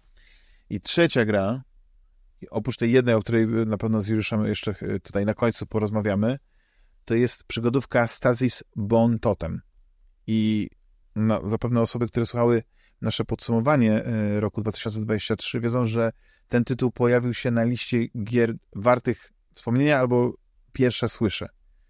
I o ile mm, e, sama gra, to, że po prostu ona się pojawiła, taki, taki tytuł, to nic nie mówił, ale zacząłem się wgłębiać w to fabułę i okazuje się, że, że fabularnie to jest dokładnie coś, co by mnie zainteresowało i nie przeszkadza, że to jest, że to jest druga część gry, bo, bo z tego co widzę, ona nie ma nic wspólnego z, z pierwszą e, częścią. Pierwsza część się działa na, na, na statku chyba kosmicznym, to jakiś taki był bardzo mroczny klimat. Tutaj mamy akcję w zupełnie innym miejscu, e, na jakby zaczyna się na, na, na e, kiedy, kiedy nie, to było tak króciutko opiszę, żeby to, ja wiem, że to trochę czasu e, zajmie, ale postaram się krótko. Więc, więc gra jest przy, grą przygodową, w której bohaterami jest małżeństwo, e, które właściwie, no nie, jak e, jest jest, jest, nie wiem, jakie jest polskie słowo, no nie, ale takimi e, ozysk- nie odzyskiwaczami złomów, tylko wiecie, jak na przykład jest jakiś porzucony jakaś, jest jakiś statek i, i my ten statek odzyskujemy i tak dalej, to, to, to nie wiem, o, Scavengers, nie Scavengers, Salvagers, Salvagers jest chyba takie Mhm. polskie. Tak. I oni odnajdują, znajdują właśnie em, taką platformę, która okazuje się być em, częścią kompleksu badawczego podmorskiego. Jest naprawdę taki mocny, ciężki klimat. E, Tam jeszcze jest ta historia rodzinna w tle, no nie, bo to małżeństwo e, no, próbuje wiązać koniec z końcem. Jednocześnie tam dowiadujemy się, że, że stracili córkę, więc e, no, jest dosyć emocjonalnie. Em, Jest parę elementów science fiction, jest e, elementów kilka jak, nie wiem, kurczę, bym powiedział z Dead Space'a, tylko takiego podmorskiego. A dodatkowo no, to, jest gra przygodowa. Point and click, ale e, nie, nie, nie bójcie się, jest to gra dosyć prosta pod tym względem, że elementy interaktywne, które klikamy w otoczeniu, są w odpowiedni sposób podświetlane. e, I to taki dosyć dziwny sposób, nie taki jak e, to mm, było w starych platformówkach, że gdzieś tam ci się, powiedzmy, ikonka ruszała, tylko nasza postać ma coś w rodzaju takiego gadżetu, który e, wypuszcza linię do tych punktów, które, które są interaktywne, więc to jest dosyć proste, więc koncentrujemy się tylko na rozwiązywaniu jakichś problemów, czy łączeniu przedmiotów, e, reperowaniu ich i tak dalej, i tak dalej. I klimat jest świetny. Jak ktoś po prostu lubi taki podmorski horror i nie przeszkadza e, mu oprawa takiego izometrycznej przygodówki, no to na pewno tą grą się powinien zainteresować. E, Ja jestem już w drugim rozdziale, już zaczynają się tam jakieś grube akcje, już jest atmosfera taka naprawdę świetna. Chociaż, tak jak mówię, mimo że są fajne filmy przewodnikowe, mimo że jest ten klimat, no to chyba nadal jestem jakiś taki z tej, z tej, z tej taki niestrachliwy, że jeszcze mnie tam nic nie przeraziło, ale są naturalistyczne sceny, jest dużo e, mocnego gory horroru takiego e, obrazowego, więc, więc e, tutaj no to muszę zaznaczyć. No, I w tym ekspresowym tempie poruszyłem gry, w które ostatnio grałem. Być może jak, jak skończę Stazji z Bontotem i, i, i uznacie, że dacie mi więcej czasu antenowego, to, to więcej o tej grze opowiem. Yy, I zapytam was w takim razie, moi drodzy przyjaciele, w co ostatnio graliście? Wy. I nie wiem, kto chce zacząć. Nie wiem, Rafał? Może Rafał. Już. Może Rafał. No dobra. Co ja ostatnio grałem? Słuchajcie, sprawdziłem ten dodatkowy tryb, który pojawił się w God of War, Ragnarok, Valhalla. Yy, graliście w nie, to? Nie, bo ja, nie? ja sprzedałem swoją kopię Valhalla, tego Ragnaroka i, i nie skończywszy, yy, ale trochę żałuję i w sumie bym chętnie wrócił, żeby to skończyć, ale z drugiej strony yy, też tak zastanawiam się, kiedy oni to wpuszczą do, do PS Plusa, nie? I, no ale chyba nie, nie prędzej. Kiedy w Game Passie. Mhm. Bo wiesz, bo teraz jestem w takim punkcie, bo to jest takie niebezpieczne, nie? Jak kupujesz grę na premierę albo chwilę krótko po premierze, no to jeszcze jest w miarę ok, bo jeszcze te powiedzmy, nie wiem, na premierę 300, no ale później dość szybko spada do 250, jest w miarę ok, nie? Ale, ale później jak już, wiesz, minęło od tej premiery, już trochę czasu minęło, no to pojawia się takie ryzyko, które pamiętam zawsze było, na przykład dla mnie jak ta subskrypcja EA Play weszła, to ja w ogóle przestałem gry od EA kupować, bo ja nie potrzebuję w nie grać na premierę, nie? Nawet w FIFA. Ja sobie spokojnie poczekam te 6 miesięcy i ona wejdzie i będę sobie grał, nie? I, a ja i tak nie gram w FIFA y, online, ja gram sobie, wiesz, y, jak, jak trener i to tak samo. No i teraz trochę się boję, nie? Wiesz, bo to kupię, a potem wejdzie do Game Passa. No. W sumie to jest PlayStation. I zaraz sprzedasz, Juliuszu, no proszę cię. Co? Nie stracisz. Więc to jest roguelike. Roguelike. Roguelike? O, o. Tak. To jest roguelike i to jest e, zrobiony z, roguelike z fabułą, Y, mamy tam tylko samego e, Kratosa, bez pomocnika.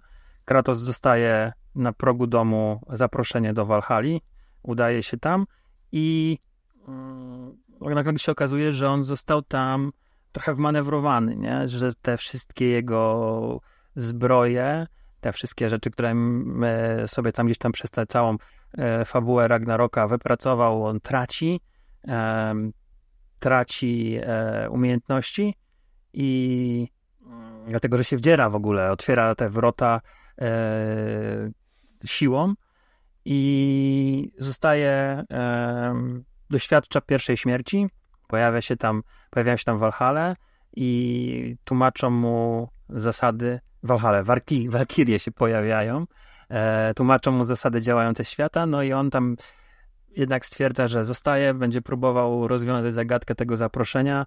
Tam przeżywa różnego rodzaju wizje, ale jeszcze nie, nie wiem do końca mm, rozwiązania. Natomiast no, mamy tak, że na początku wybieramy sobie powiedzmy e, tarczę, wybieramy sobie e, Mamy te trzy bronie nasze, tak? Czyli tą włócznię, e, nasze ostrze na łańcuchach i topór i oczywiście zbieramy jakąś twardą walutę, którą możemy wydać po śmierci. Mamy taką miękką walutę, którą wybieramy w trakcie gry, żeby kupować pewne ulepszenia. Możemy kosmetyczne rzeczy też tam sobie zmieniać, także nie musimy biegać tym takim podstawowym Kratosem, tylko dostajemy dostęp do kolejnych skórek i, i, i ten wygląd nasz się zmienia. Mm, są przeciwnicy znani z podstawki, tam się nie, e, przynajmniej ja jeszcze nie trafiłem na jakiegoś potwora, który byłby a nie, trafiłem, sorry, trafiłem na takie, yy, takie wilkokotowate coś. E, natomiast bardzo jest, bardzo fajna rozrywka, bardzo fajna rozgrywka, bo to jest jednak God of War. Polega to, to głównie na eliminowaniu przeciwników, dostawaniu się e, powiedzmy na kolejne, e, przez kolejne portale przechodzimy do kolejnych tam skupisk przeciwników. To są takie zamknięte areny, mamy ich tam kilku których musimy pokonać, oni mają oczywiście jakieś nałożone na siebie rzeczy, czyli najpierw musimy ich zmiękczyć ogniem albo lodem, e, dopiero później możemy ich pokonać. Bardzo fajna rzecz, naprawdę fajny tryb i e, to, że on jest darmowy, to też jest wielka zasługa, bo ja już do ja już tam z trofeum zrezygnowałem, została mi ta ostatnia Walkiria i, i miałem nie, już nie wracać, bo minęło tyle czasu, że już e, moje umiejętności e, pokryła patyna, w związku z czym stwierdziłem, że to nie będzie sensu, że do najtrudniejszego przeciwnika nie podejdę po, po roku, a teraz dzięki temu trybowi znowu wchodzę na wyższe obroty i jak go skończę, podejdę do platyny, także ta ostatnia mm, Valkyria będzie przede mną. I to jest fajna rzecz, naprawdę polecam, jeżeli ktoś ma jeszcze płytkę, wrzucić ją, zainstalować, czy ściągnąć, jeżeli mieście cyfrową. Bardzo fajny tryb. To nie jest nic wielkiego, to nie jest e, gra pełna nowych asetów. Raczej tam rzeczy, które już widzieliśmy są, ale też trochę tych widoczków jest nowych. E, także to nie jest. Nie mogę powiedzieć, że to jest pełnoprawny produkt, ale bardzo, bardzo fajny tryb zrobiony z tego, co było. To, to, to całkiem sporo czasu na to poświęciłem. No a drugą grą, w którą gram, to jest Evil West, który był w plusie. O, polska gra, tak? Mm, jest polska gra, tak. Flying Wild Hog e, odpowiada za nią. Mm, I teraz mam, mam taki, taki dylemat, czy się wypowiadać na, ten, na tym etapie. Jestem po kilku chapterach, chyba z ośmiu. Nie wiem, ile ich jest w ogóle wszystkich. I teraz, czy, czy, czy się wypowiadać i na przykład ją trochę skrzywdzić, czy jednak poczekać sobie na rozwój fabuły i opowiedzieć jej, nie wiem, za dwa tygodnie, bo na, tym, na ten moment to mam bardzo e, mieszane uczucia, jeżeli chodzi o gameplay. Jest pewien, ten początek jest wręcz prymitywny. E, mamy rękawicę, którą gdzieś tam sobie doładowujemy energią elektryczną i kolta i, i, i i shotguna, który e, i strzelbę Winchestera i walczymy z wampirami na dzikim zachodzie, takim weird westowym, masa dziwnych potworusów, e, cały bardzo dobry lore, bo lore akurat jest i, i e, historia tego świata, mitologia wampirów, fabuła jest bardzo spoko, mamy, jesteśmy członkiem oddziału, który poluje, dużej organizacji w ogóle, która poluje na wampirę i jest to wszystko się spina, poznajemy kolejne postaci, gdzieś tam kogoś idziemy uwolnić, e, bo wpadł w pułapkę w kanionie.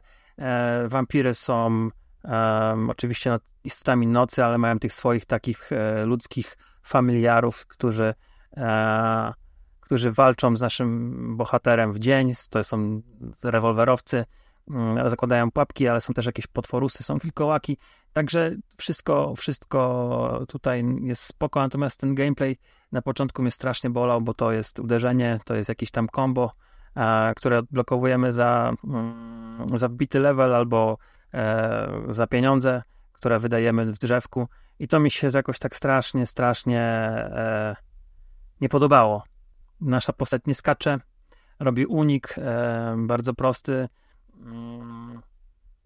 i, i ten strzał z kolta to jest tak naprawdę nic, więc jakoś męczyłem i powiem wam, że naprawdę po rozdziale dziennie, e, ale doszedłem do takiego momentu, że już tych, tych umiejętności mam całkiem sporo i, i ta gra wpada w, na nowe tory.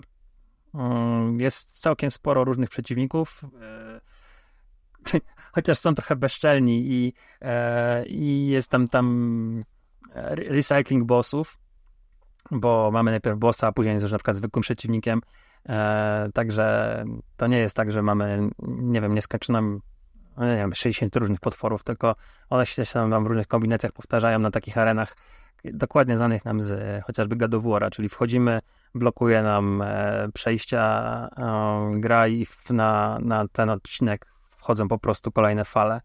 E, I to, mi się wydało takie prymitywne, E, szczególnie, że nie było takiego fajnego flow w tej, w tej walce. E, ale im więcej umiejętności odblokowuję, im bardziej rozwijam e, rękawice, im bardziej rozwijam mm, to urządzenie, które daje elektrykę, którego początkowo jakoś tam olewałem, bo doładowałem tego kolta znowu i on w zasadzie to było jak strzelanie do, z, z tego z grochu do, do wielkich napakowanych przeciwników, to teraz e, właśnie wczoraj wieczorem e, naprawdę czułem może nie jakiś wielki fan, ale, ale grało mi się naprawdę przyjemnie i I kurde, nie mogę teraz wam powiedzieć, bo, bo gdybyście mnie nagrywali to przez wczoraj, to ja bym gnoił tę grę, a teraz muszę się wstrzymać, bo może właśnie w tej wiem, połowie gry e, nabiera to wszystko rozpędu i, i, i dalej będzie się fa fantastycznie człowiek bawił, ale gra ma soczyste, rewelacyjne dialogi i momentami to ja tam płakałem ze śmiechu.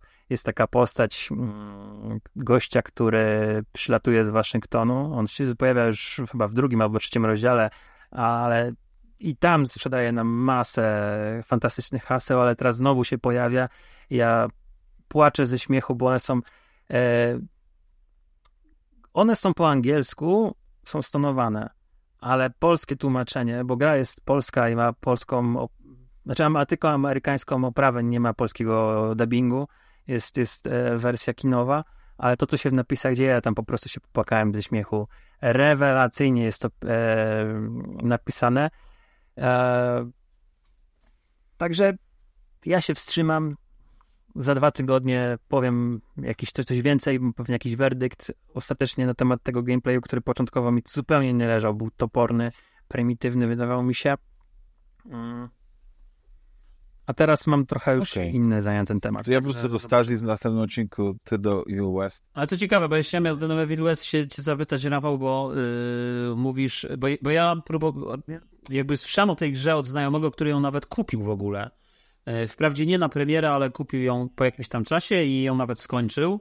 E, I pamiętam, że to było gdzieś w, w okolicach premiery God of War, e, Ragnarok. O, to właśnie to jakoś chyba wtedy wyszło. To może on nawet bliżej na premierę kupił. No ale mhm. pamiętam, że on też jakoś tam mówi, że spoko, spoko, fajnie się gra. No i ja z ciekawości pobrałem na PS Plusie, ale szczerze powiedziawszy, ja jakby no nie byłem w stanie przełknąć tego, jak ta gra wygląda. Tylko, że ja widziałem oczywiście sam początek, jak zobaczyłem te, wiesz, te kwadratowe skały, tę te, tą geometrię tragiczną, to mhm. ja po prostu stwierdziłem, Boże, ja w to nie będę grał, nie? Ale z tego, co mówisz, to tam są jakieś inne aspekty. Tylko z drugiej strony, y, jedno pytanie w takim razie do ciebie. Czy to jest, y, albo dwa. Pierwsze odnośnie grafiki, co byś powiedział, y, jak, jak na nią patrzysz? A drugie pytanie, czy to można powiedzieć, że to jest w jakimś sensie God of War, powiedzmy, tylko nie God of War? od grafiki. Ona jest. Ja się zgadzam z tym, co powiedziałaś. E, powiedziałaś, bo powiedziałaś, powiedziałeś. Nie wiem, czego użyłem. Nie, wiesz, to jest przepraszam. E, w duchu tego, o czym e. rozmawialiśmy na początku. Okej. Okay. Wiesz co, jest na pewno e, cała grafika jest stylizowana. Mm, nie chcę tutaj mówić na, na co, bo tak ja bym powiedział, że na jakąś taką bardziej wchodzącą w stronę amerykańskiego mainstreamowego komiksu.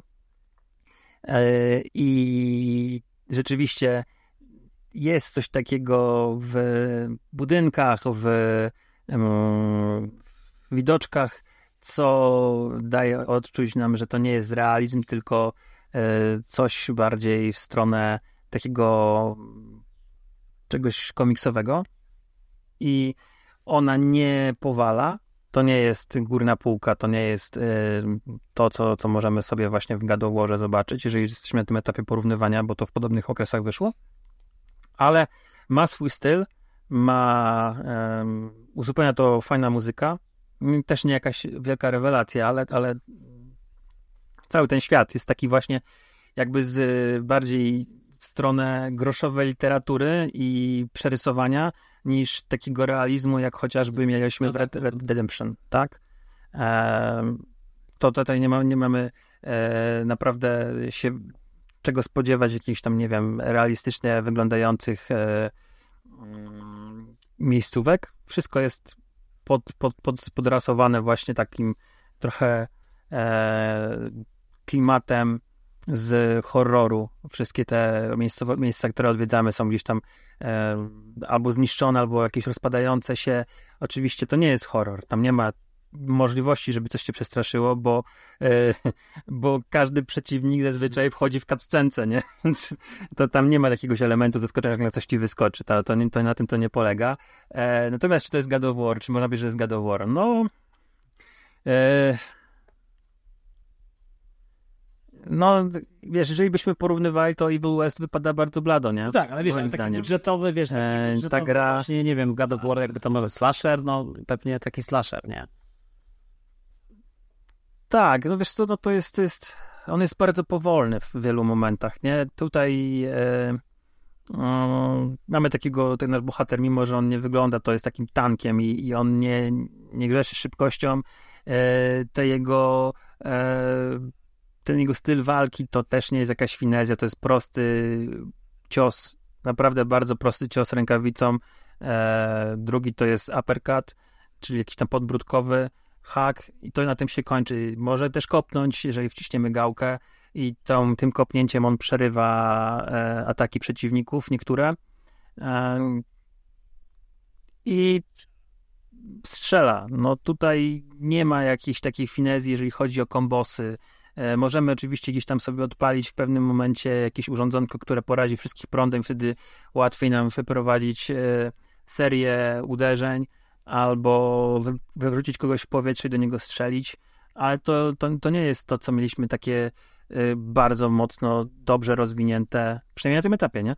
Na którym jestem, rozwinięte kombosy, jak to miał Kratos, że wiesz, w trakcie rzucenia w kogoś toporem i on jest w powietrzu, on zamraża się, a ty jeszcze wyciągasz y, te ostrza i robisz jakąś po prostu siekę.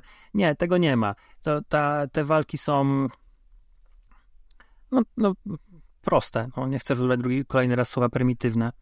Eee, ja uciekam od tego porównania, bo ono jest bardzo na niekorzyść Evil West. O, bardzo teoretycznie, tak, to można powiedzieć, no gameplayowo wygląda to bardzo podobnie. Eee, nie spotkałem chyba jeszcze żadnej zagadki, takiej, która wymagałaby jakiegoś e, większego e, wysiłku niż przesunięcie klocka i, i tyle, no wiesz, no tam nie ma, nie ma jakiegoś e, szaleństwa, nie? Jest, są takie momenty, na przykład, że nam pomaga em, kumpel, który jest gdzieś tam wyżej i ono podpala dynamit i rzuca ten dynamit i wtedy mamy czerwone kółko, gdzie będzie wybuch i możemy zwabić przeciwników, nie?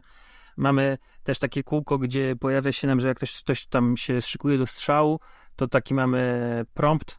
Jeżeli w tym momencie strzelimy w tamto miejsce, no to nam e, po wykupieniu odpowiedniej zdolności wypadnie kryształ życia, nie? Oprócz tego, że mamy takiego Estusa, który się odnawia, e, taką apteczkę, e, to nasze, nasze drzewko umiejętności polega też na, głównie na tym, że skraca nam się czas odnowy e, tych broni specjalnych, czyli shotguna, takiej dwururki, e, obrzyna w zasadzie, e, tego takiego urządzenia elektrycznego i, em, i mamy coś w rodzaju lasso, które to jest to, to urządzenie elektryczne, które może nas przyciągnąć albo e, przyciągnąć przeciwnika. Mm, Ono ma tam cztery ładunki i, i możemy to wykorzystać w ten sposób, możemy ten ładunek uderzyć w ziemię i wtedy wszyscy są porażeni. Także to, to mniej więcej tak wygląda. Em, nie ma jakiejś tam ge- generalnie finezji, nie? W tym. Okej. No to co, no to w takim razie już, ty w co ostatnio grałeś? No ja słuchajcie, yy, kurczę, no właśnie teraz tak się zastanawiam, co, o, o, o, o czym powiedzieć i od czego zacząć. Jeszcze w takim razie jedno... No. Mogę zgadnąć, poczekaj, mogę zgadnąć, bo, bo mam, mam, wydaje mi się tak, że grałeś w e, Death Stranding, grałeś w Silent Hill Short Message i grałeś w No, Final no, Fantasy. Mamy właściwie te wszystkie trzy tytuły odz- odznaczone, to co jeszcze grałeś? No, grałem jeszcze w coś więcej i o tych już nie chcę mówić tytułach, bo już o tych y, powiedziałem przy okazji. Yy, chociaż może o finalu jeszcze coś Ale o 16 obiecaj mi, że pogadamy jeszcze. bo o 16 Jak będziesz trochę dalej. Tyle, że y, Mhm. no tak jak decydowałem, nawet jak wrzucałem to na forum, no to wróciłem do tej szesnastki, zacząłem grać i po prostu rzadko mi się to zdarza ostatnimi czasy, żeby usiąść, na przykład jak wieczorem siadam do jakiejś gry, to żeby usiąść i cały wieczór grać w tą jedną konkretną grę. Zawsze prędzej czy później po jakimś czasie y, przełączam się na coś innego, nie? Y, natomiast Finala po prostu tak jednym ciągiem y, i jest, y, pierwsze wrażenie jest bomba. Jest, jest po prostu wow. Jakby, wiesz, y, i graficznie, i to ja wiem, że, że tutaj różne dyskusje się toczyły, ale, ale graficznie jest dla mnie, jest niesamowity jest, wiesz, gram w tym trybie akcji i tak się zastanawiam, na początku się trochę bałem, żeby go wybrać, ale teraz gram w tym trybie akcji i w sumie aż mnie kciuk boli od duszenia tego klawisza, że tak powiem, ale naprawdę, natomiast z drugiej strony, no walka jest spektakularnie zrobiona i jakby zupełnie mi nie przeszkadza liniowość, zupełnie mi nie przeszkadza to, że yy, jakby ja, nie, ja bym nie powiedział yy, o, o tym prowadzeniu za rączkę i tak dalej, to znaczy z jednej strony tak, no bo cały czas przesz do przodu, ale z drugiej strony też w ogóle widzę tak szerzej, no ale dobra, nie chcę, nie chcę w to teraz wchodzić, nie? Ale w każdym razie mówię, to pierwsze... Będzie gorąca dyskusja. Myślę, że będzie gorąca dyskusja, bo pierwsze wrażenie jest, pierwsze wrażenie jest jak najbardziej nie, niesamowite i to jest takie wrażenie, że dobra, ja wiem, że to tak jak w sumie ja wiedziałem, że tak będzie trochę, bo, bo ja szczerze powiedziawszy po prostu pokochałem te wszystkie japońskie gry. Wiem, że jakby mówiłeś, czy, czy są takie głosy, że to może nie jest klasyczny RPG i tak dalej, ale jakby to nie zmienia faktu, y, dla mnie to jest w ogóle inne, inne spojrzenie na pewien gatunek, który wydawało mi się, że znam. Pewne elementy RPG na pewno tu są. Y, na pewno bardzo mi się podoba i uważam, że to jest chyba największa zaleta, którą na razie widzę w tej grze, to jest właśnie to, że dzięki tym decyzjom jakby ja wiem, że ja zostałem zaproszony do jakiejś niesamowitej opowieści. I mam nadzieję, że ona będzie niesamowita, bo ona na razie w tym wstępie ma wszystko to, czego właśnie, co powinien mieć idealny wstęp moim zdaniem do gry, to znaczy to musi być, to, to zawiązanie akcji jest mistrzowskie moim zdaniem, jest, jest perfekcyjne. To jest takie zawiązanie akcji, które powoduje, że ja chcę grać dalej. I ja w zasadzie tak się czułem, jak grałem wtedy w to demo, tylko później na premierę z różnych powodów no nie kupiłem tej, te, tego finala, E, więc, więc jakby po raz drugi. Więc to, to tyle, jeśli chodzi o finala. Natomiast ja jeszcze, słuchajcie, w międzyczasie skończyłem jedną grę, e, e, nawet dwie. O tej drugiej to nie wiem, czy chcemy rozmawiać, Damian, bo już jest trochę chyba późno i nie wiem, czy, czy damy radę, a ja też nie chciałbym o niej rozmawiać na zasadzie tak na szybko. Natomiast ja przede wszystkim. No rozumiem, rozumiem, ale możemy powiedzieć tak, że y, kontynuacja tej gry która ma być ekskluzywem praktycznie, to będzie, to może być hit, nie? To może być coś... Co... Aczkolwiek ja się zastanawiam, nie no, to możemy powiedzieć, że to chodzi o Hellblade, tylko wiesz, ja się zastanawiam, yy, zastanawiam się tylko nad tym, yy, na ile, bo, bo wiesz, bo ten pierwszy Hellblade powstaje w bardzo ciekawym, yy, że tak powiem, otoczeniu, nie? Jakby to jest gra robiona jako niezależny projekt w ramach firmy, która powiedzmy jest już mocno poturbowana, bo zrobiła jakieś tam tytuły, które się nie sprzedały, zrobiła inne tytuły, które yy, nie zostały ciepło przyjęte, jest bardziej firmą, która na kontrakcie robi różne gry dla różnych studiów i nagle jakieś wewnętrzne studio mówi, to my mamy, yy, wewnętrzna grupa ludzi mówi, to my mamy pomysł i my to zrobimy i to będzie takie triple I, czyli wiesz, taki triple Indie, yy, czyli z jednej strony walory produkcyjne normalnej gry, a z drugiej strony jednak w dalszym ciągu temat, podejście i tak dalej, takie właśnie charakterystyczne dla Indie. E, no a jednak ta Senua 2, ta Hellblade 2, no to powstaje już w takim, powiedzmy, no pełnowymiarowym, wydaje mi się, w dalszym, znaczy, chociaż nie wiem, może ten zespół jest w dalszym ciągu mały, no, ale jednak pieniądze Microsoftu, nie? Wielkie pieniądze. Wielkie dolary z Ameryki. Więc, e, więc to jest jedna kwestia. Natomiast e, druga gra, słuchajcie, to ja z, właśnie tylko zanim jeszcze do jeszcze coś chciałem powiedzieć, ostatnie słowo do, do tego twojego ostatniego słowa, jeszcze co parę dziesiąt minut temu gadaliśmy. Ja to się wytnie. A propos God of War'a właśnie, jak, jak Rafał, jak chwilę żeśmy rozmawiali, Rafał wspominał o tym God of Warze, to właśnie God of War to jest właśnie taki przykład. Zobaczcie, jak ta gra się zmieniła na przestrzeni czasu. Jakby, jasne, wiadomo, to jest cały czas slasher, ale ja pamiętam, że jak ja na PS5, jeszcze zanim wyszedł ten nowy God of War, zanim, yy, jak, jak jeszcze był w tej PlayStation Collection, God of War, ten, ten nowy God of War, ten reboot serii powiedzmy, ten, ten przeniesiony do tej mitologii yy, nordyckiej i tak dalej, to ja, słuchaj, odpaliłem tego God of War'a i moje ja pamiętałem zawsze God of War'a jedynkę, dwójkę, trójkę jako gry, bo na tym się zatrzymałem mniej więcej, jako taki, wiesz, ten widok taki specyficzny, no niby trójwymiarowy, ale jednak ta kamera bardziej oddalona, wiesz, to wszystko takie bardziej y, statyczne, a tutaj ta kamera podąża za postacią ja byłem, co to jest? W co ja gram? Jakby ta seria, z, z, jakby tam, tam jest ta decyzja o tym, żeby zmienić tego God of War'a jest moim zdaniem dość istotna, dlatego że czym się różni Gears of War 4 od Gears of War 5? No ja nie wiem, czym się różni, fabułą pewnie. Ale zasadniczo, jak grasz w Gears of War 4 i Gears of War 5, to masz wrażenie, że grasz w tą samą grę. Bo to tak samo praktycznie wygląda. Kobietę masz do grania chyba w jakiejś tam części, nie?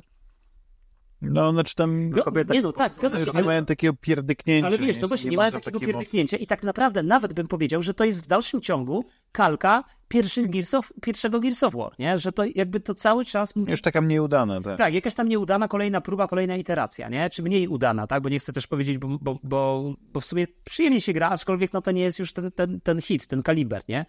Y, natomiast właśnie y, jakby God of War pokazuje, że jednak można jakby zrobić kolejną grę w tej znanej swojej serii. Tam zresztą w ogóle jak patrzyłem na te inne części God of War'a, nie? Ale dobra, o tym możemy podyskutować dalej. Natomiast gra, którą skończyłem, słuchajcie, którą zagrałem i skończyłem, y, to jest oczywiście Another Code Recollection na Nintendo Switch. No bo wiadomo, rok bez skończenia gry na Nintendo Switch to jest rok stracony. Gra, gra na Nintendo Switch, która nie jest y, trzecim remake'iem gry z Nintendo DS też nie no, jest remake'em, ale nie wiem, czy widziałeś materiały, bo to, bo, to, bo to nie jest taki remake. Y, w ogóle był zresztą remake tej gry na Wii, tylko na Wii to nie wiem, czy to był remake, czy to była bardziej wersja bardziej zbliżona do... To był remake i Switch wygląda jak ten remake z Wii. Nie, przepraszam, nie na Switch, na, yy, na Wii. Ale nie, to nie wygląda jak tak, ten na... remake z Wii. To nie wygląda jak ten remake z Wii. Another Code, y, znaczy wiesz co, no ja tak próbowałem, bo potem jak żeśmy rozmawiali, bo ty zarzuciłeś ten temat, później gdzieś ten Code się e, obił, bo tam jest bardzo ciekawa fabuła z tego, co opowiadałeś. Mhm. Przynajmniej to, to mnie zaintrygowało. No i widziałem właśnie takie porównanie, znaczy porównanie. Chciałem zobaczyć, jak wyglądała ta wersja właśnie na, na Nintendo DS. No i była taka dosyć prosta. To zupełnie co A już taka na, na Wii to już była taka animowana, można ale też zupełnie co innego. film animowany. Nie, ale też zupełnie co innego, ale też zupełnie co innego, bo, bo tutaj jednak ta kamera, jest jakby, powiedzmy, jakieś tam plansze 3D, ta kamera podąża za postacią, jest jakaś, powiedzmy, w pewnych granicach tak, ty, swoboda ruchu, tylko mhm. ja powiem jedną rzecz, e, bo ty, Damian, e, w takich, takich rozmawialiśmy, mówisz, że, że rozmawialiśmy o finalu i, mówi, finalu i mówiłeś, że final to jest taki, że to jest właśnie taka prosta, to w ogóle nie jest żadna JRPG, że to jest prosta gra, która cię prowadzi za rękę i wszystko. Nie, to Rafał mówi, że to nie jest. Tak, ale chodzi mi o to, że ty mówisz, że to jest taka gra, która cię prowadzi za rękę, wiesz, i tak dalej, że, ale że nie RPG, że taki nie RPG, wiesz, e, powiedzmy w takim no. prawilnym znaczeniu. No to stary, to nie graj, nie graj w Another Code, bo Another Code jakby to nie jest kwestia, że ta gra cię prowadzi na rękę. Ta gra po prostu w każdym momencie ci mówi, co masz robić praktycznie. E, w tym sensie, że jesteś, e, nie wiem, w, tym, w tej pierwszej grze chodzisz po willi takiej dużej, po takiej posiadłości w zasadzie, nie? I tam, stary, nie ma czegoś takiego, że ty możesz sobie chodzić do dowolnych pokojów. Mimo, że później do nich zaglądasz. Tylko ty musisz iść do tych pokojów, które twórcy zaplanowali, że to będą te pokoje, do których masz wejść. Bo jak pójdziesz do innych, to postać ci powie, hmm, może to jednak głupi pomysł, powinnam raczej pójść do tamtego pokoju, do którego miałam iść, nie? I wiesz, i to tak wygląda. Natomiast rzeczywiście to, co jest. I, i druga rzecz, zagadki stary. Nie, nie dajmy się zwariować. Tam nie ma żadnych, żadnych puzli, tam nie ma żadnego challenge'u, stary, tam nie ma nic. To jest po prostu visual novel w takim znaczeniu, że grasz, klikasz i po prostu odkrywasz tą historię. I ta historia jest z jednej strony jest taka, bym powiedział, oldschoolowa, yy, czyli w tych starych klimatach, czyli, czyli wiesz, yy, nie chcę zaspoilować, nie, ale dowiadujesz się o tym, że nie wiem, pamiętacie może właśnie prawdziwe kłamstwa, nie? Że, że, czyli z jednej strony jakby tutaj okazuje się, że jej mąż to jest w ogóle tym szpiegiem i w ogóle ma podwójne życie i te robi jakieś niesamowite rzeczy, skacze po samolotach i tak dalej, nie? No to tutaj, wiesz, to, to, to wyobraź sobie nagle, że się okazuje, że y, jest jakaś rodzina i główny bohater y, nagle jest, y, nagle się o nim dowiadujesz, że on jest nie tylko stary astronautą, ale on w ogóle był astronautą i on stary na, na, na rękach chodził po księżycu, a w ogóle to tak naprawdę pochodzi z kosmosu i ten księżyc to on nim żonglował. Że po prostu, że to jest tak absurdalne momentami się może wydawać. Ale abstrahując od tych absurdalnych konotacji, po prostu ta gra jest taka poruszająca, bo ona opowiada o traumie, ona opowiada o spojrzeniu na drugiego człowieka, ale w takim empatycznym spojrzeniu, takim spojrzeniu, że to, że ktoś, naj, naj, naj, mówiąc najprościej, to, że ktoś jest, spotykasz w swoim życiu różnych ludzi i nagle ktoś jest na ciebie zły. I ty myśli, albo ktoś ci na przykład napisze, e, ten Damian Palu to jest taki głupi w ogóle, nie? I napisał w komentarzu coś tam. I ty się na początku oburzysz, że w ogóle jak można takim być człowiekiem, że ktoś przychodzi i z, tyłu mówisz dzień dobry, a on ci wyzywa, nie? Ale potem się okazuje, że ten, co cię wyzywa, tak naprawdę ma jakieś swoje problemy i nagle się okazuje, że ty widzisz tylko taki wierzchołek góry lodowej, a, a pod spodem jest coś więcej. Więc jeżeli ktoś szuka w sumie gry ciekawej, z ciekawą fabułą, jeżeli na chwilę wrzucimy w cudzysłów te różne takie abstrakcyjne nawiązania do jakichś, że nagle się okazuje, że nie wiem, twój ojciec, który myślałeś, że jest normalnym ojcem, czy matka, a tak naprawdę nagle się okazuje, że po prostu nie wiem, e, dokonał przewrotu kopernikańskiego, o którym nikt nie wiedział e, na świecie poza wąską grupą specjalistów, e, to wiesz, to, to, to i, i, to w ogóle naprawdę to brzmi absurdalnie stare, nie? Jaka cena? Tak jeszcze z ciekawości sprawę, bo brzmi fajnie. Nie no, normalna cena stare Nintendowa, nie? 249 stary, no normalnie naprawdę. Niemożliwe. No naprawdę. Aczkolwiek ten, aczkolwiek tak, podoba mi się grafika. Podoba mi się, mimo że jest, znowu, jest słaba, ale ma, jest utrzymana w pewnej konwencji. Podoba mi się sposób prezentacji tych dialogów. Podoba mi się ta historia, która jest naprawdę ciekawa. W ogóle to są dwie gry wrzucone do jednego repaku, ale one są też z tego, co czytałem, ja nie wiem, bo ja nie grałem na 3DS-ie, one są, y, jest jakby bardziej są ze sobą związane. W sensie, że ta druga historia w zasadzie zaczyna się w pewnym momencie, więc tak jak masz wrażenie, że grasz w jedną grę. To nie jest tak, że grasz w dwie gry, tylko grasz jakby w jedną grę i po prostu w którymś momencie jest jakby przeskok w czasie i tak jakby bohaterka gdzieś tam, bo w tej drugiej grze ona ma 16 lat, w pierwszej 14, nie? I do tego jeszcze tam szczypta paranormalności do tego dochodzi, ale naprawdę ja bardzo ciepło tą grę wspominam, y, bo oczywiście już sprzedałem, bo, bo przeszedłem i stwierdziłem, że jakby myślałem, że może moja żona by zagrała czy coś, ale, ale z drugiej strony w sumie może zagrać w demo. Ja, ja zagrałem w demo i, i z demo przechodzi save, więc też możecie zagrać w demo i, i wiesz, i zobaczyć, czy, czy wam się podoba. Jak wam się podoba, no to kupujecie normalną grę i gracie, jakby dalej kontynuujecie tą przygodę. Ale tak jak mówię, oczekiwanie jakichś puzli, jakichś zagadek. W tej drugiej grze literalnie 80% zagadek opartych jest na quick time events. Tylko to ani nie są quick time, ani nie są events, bo to jest po prostu stary, musisz naciskać guziki switcha na ekranie i po prostu nawet jak leci w którymś momencie timer, to nawet jak się pomylisz, to ten timer się po prostu zeruje i w ogóle w żaden sposób ta gra cię ani nie każe, ani nie każe ci, wiesz, no bo też niby co miałaby zrobić, nie? No nie wiem, wyrzucić cię z gry i kazać ci przechodzić ją od nowa, no bez sensu, nie? Tu nie można zginąć. Więc to jest jakby, to jest jakby historia. No i te zagadki, mówię, no te zagadki są naprawdę, nawet tam jest taki moment jest e, decyzji, że trzeba na przykład w którymś momencie tam się, no dobrze, to teraz wytłumacz, dlaczego jakiś bohater zrobił to czy tamto. No i gracz musi wybrać jedną chmurkę, to jest i tak samo jest w tej drugiej grze, to jest gdzieś tam przy końcu. Gracz musi wybrać jedną opcję. Ale tylko jedna jest prawidłowa. Jak wybierzesz inną opcję, bo ja nawet wczytałem sobie save, jak wybierzesz inną opcję, to po prostu yy, gra ci mówi, nie, nie, to chyba nie jest ten powód, zastanów się drugi raz, nie? I wiesz, i musisz po prostu tak długo, aż wybierzesz tą właściwą. Ale tak jak mówię, po prostu ja, zwłaszcza w tej pierwszej historii na końcu, to ja się bardzo wzruszyłem. Bo mi się bardzo podobało zakończenie. Było takie emocjonalne, wzruszające, takie, no bardzo takie, bardzo przyjemne doświadczenie. Ja lubię takie prostu, wiecie. Jak się, jak się... Ja zauważyłem, że bardzo lubisz takie gry jak Memoir Blue, jak Under Code, to, które, które ci tak chwytają za serce. No lubię, tak, tak, wiesz, może to jest kwestia tego, że... Lubisz się wzruszać, nie lubisz się bać, ale lubisz, e, lubisz tą inną e, skrajną emocję. No bo dzisiaj się czuję Lubisz sobie popłakać kobieta. jak e, dobry hollywoodzki, hollywoodzki aktor. Bo dzisiaj się czuję jak kobieta, stary. czuję się kobietą, po prostu.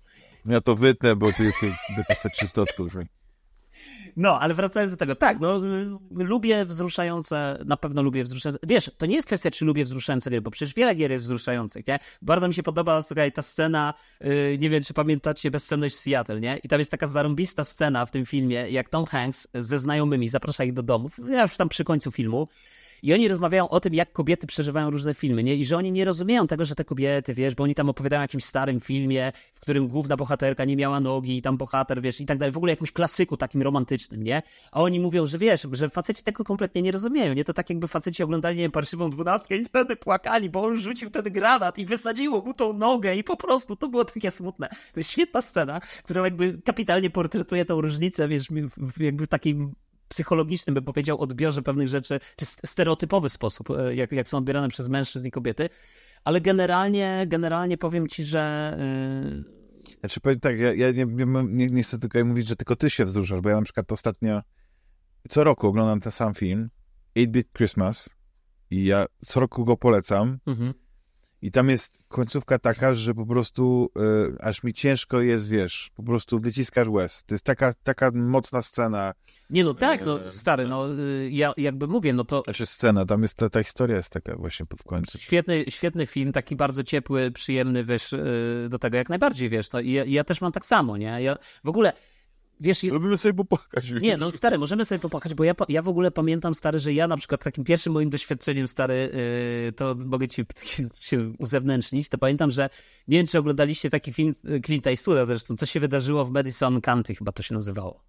I tam jest... Yy, Coś kojarzy. I to jest taki, wiesz, to jest taki romans, yy, tam gra ta słynna aktorka yy, amerykańska, wyleciała mi teraz... Meryl Streep, dokładnie. Clint Eastwood oczywiście, on gra tego fotografa, ona ma to jakieś takie normalne życie. I to jest taka ostatnia scena i dalej taki wydźwięk, że oni się już nigdy nie spotkają i w ogóle, wiesz, to idzie... Ja już wtedy, wiesz, miałem, miałem już nie pamiętam, czy już byłem po ślubie, czy miałem żonę i tak dalej, ale stary, ja po prostu dostałem...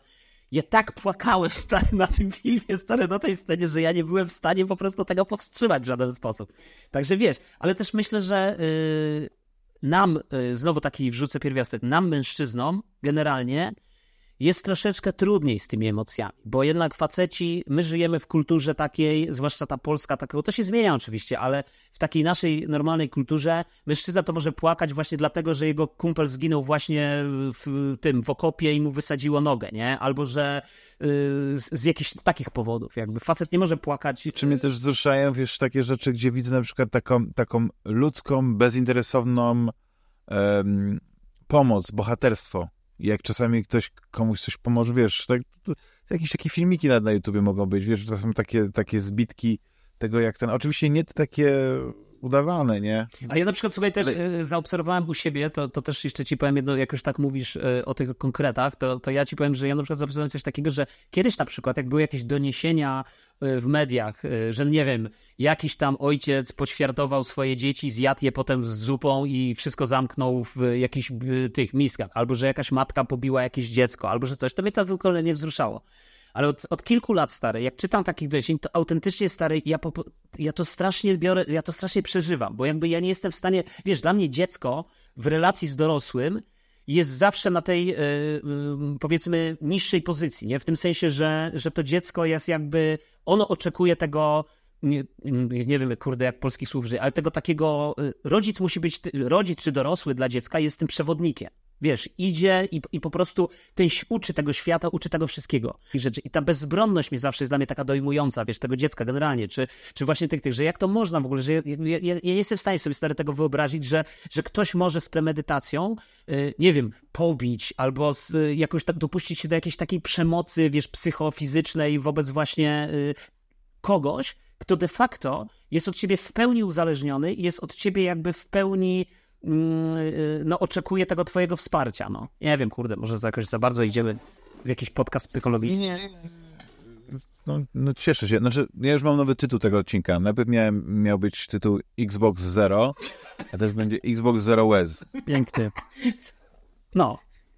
Piękny. I tym optymistycznym akcentem ja, tylko, ja tylko powiem, słuchaj, ja tylko... Aż jestem w szoku, żeśmy się w trzech godzinach ja, ja tylko jedną rzecz... Ostatnie słowo do Juliusza i mogą by, pyknąć cztery. Ja tylko powiem jedną rzecz, nie? ale już jestem zmęczony, powiem wam y, już trochę, ale ja tylko jedną rzecz powiem, że, że naprawdę, jeżeli ktoś weźmie poprawkę na te elementy, o których powiedziałem w Another Code i na to tak naprawdę, że w gruncie rzeczy tam naprawdę nie ma żadnego wyzwania, bo mi się wydaje, że to nie o to chodzi w tej grze w ogóle. I z, y, od razu mówię też, to nie jest długa gra, bo mi zajęło skończenie tego 16 godzin, nie?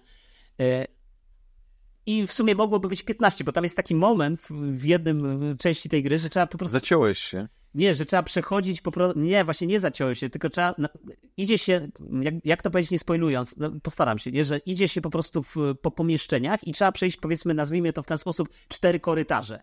No idziesz te cztery korytarze, wchodzisz do windy i potem znowu kolejne dwa korytarze i wchodzisz do pomieszczenia, czy jeden korytarz, nie?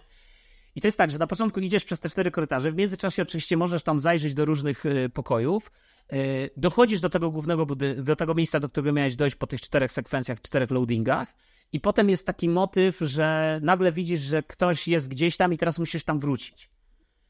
I ja mówię, no to super, to teraz będzie stop klatka, bo był filmik, no to mnie powinno tam przenieść. Nie, stary, z powrotem musisz te cztery levele iść i to już nic kompletnie nie wnosi, stary. Ani nie, nie wnosi do żadnej historii, ani nie wnosi do niczego, nic. Idziesz te cztery, nie? Odbierasz tą postać, którą masz odebrzeć. Odebrzeć już mówię jak moja córka, mówię, ta, ta, ta, odebrzesz mnie dzisiaj z przedszkoły, ze szkoły, ja mówię, tak, odebrzę, nie?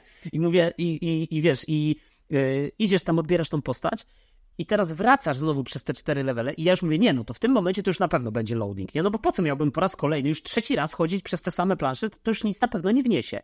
Nie, musisz iść. więc, więc to jest takie sztuczne trochę wydłużenie, nie? I, i, i to jest ten. Natomiast ogólnie, ogólnie myślę, że przyjemne, bardzo przyjemne doświadczenie i polecam. Gra składa się z małych i dużych dramatów i Dokładnie tak. tego się trzyma. Tego się trzyma. Panowie, y, dziękuję bardzo, bo już chyba nie ma co Też ostatnie słowo, mieć, to damy ci to ostatnie słowo. Ten. E... A, no. e... Bardzo się cieszę, że, że mieliśmy taką żywiołową dyskusję. Aczkolwiek e, z mojej rozpiski Za tydzień naprawdę mało rzeczy weszło, więc... Chodźcie, spotkamy walentynki. No bo wiesz, tak. bo to jest tak, że pierwszy... No tak, ale bo to jest, słuchajcie, yy, pierwszy raz, jak od dłuższego czasu nagrywamy w tym składzie, więc jakby ja się nie dziwię, że wiesz, no, jest, jest dużo tematów. Dużo rzeczy. Ale zawsze mamy te same tematy. Tak, tak, tak. Xbox, Microsoft zły, PlayStation Najlepsze. Nintendo super, tak. Tak. Nie no, ja, ja, ja, chcę, ja próbuję jakoś to ratować tą sytuację mówię, że Xbox jest super, ale chyba już mi nam nie uwierz. Znaczy, wiesz, zobaczymy Dziękuję za tydzień. Rafałowi. Ja, ja ciekaw jestem, jak to będzie Tak. wyglądać za tydzień. No. Pamiętajcie, że Juliusz czeka na wasze komentarze, na tą konstruktywną krytykę. A ja czekam na, e, na waszą odpowiedź, jak to z tymi trzema muszykami. to dokładnie. Jest, to jest Tak. ciekawe. Możecie na zdjęciach. To zdjęcia w prywatnej korespondencji do Rafała, opis może być ewentualnie pod odcinkiem. Że, bo to mogą Aż być... mnie korci, żeby powiedzieć, czy Wiesz. zdjęcia muszelek do Rafała. To dziwnie jakoś, ale okej. Jak zwał, tak zwał. Yy, dziękuję Juliuszowi. Dziękuję również, dzięki panowie. Yy, Pamiętajcie, żeby odwiedzić nas na naszej stronie www.fantasmagieria.net, dołączyć do grupy na Facebooku Fantasmagieria, polecać, yy, przekazywać dalej. I co? Słyszymy się za tydzień. Cześć, hej. Cześć. Cześć, ale nie powiedziałeś y, dziękuję Rafałowi. Nie, powiedziałem. Nie tylko, że- powiedział. Nie. Nie, nie Powiedziałem. powiedziałeś. Ja tak czekałem, tak sobie myślałem. Powiedziałem. Powiedział dziękuję, ja potem Nie, Rafałowi powiedziałem dziękuję. Rafałowi, a, ale, ale, ale później ty powiedziałeś coś i już ten. I dlatego później powiedziałem i dziękuję Juliuszowi. Ale to, wiesz, no to... Dobra. I to dziękuję. Rafałowi. Ja już Dzięki. A teraz liczymy.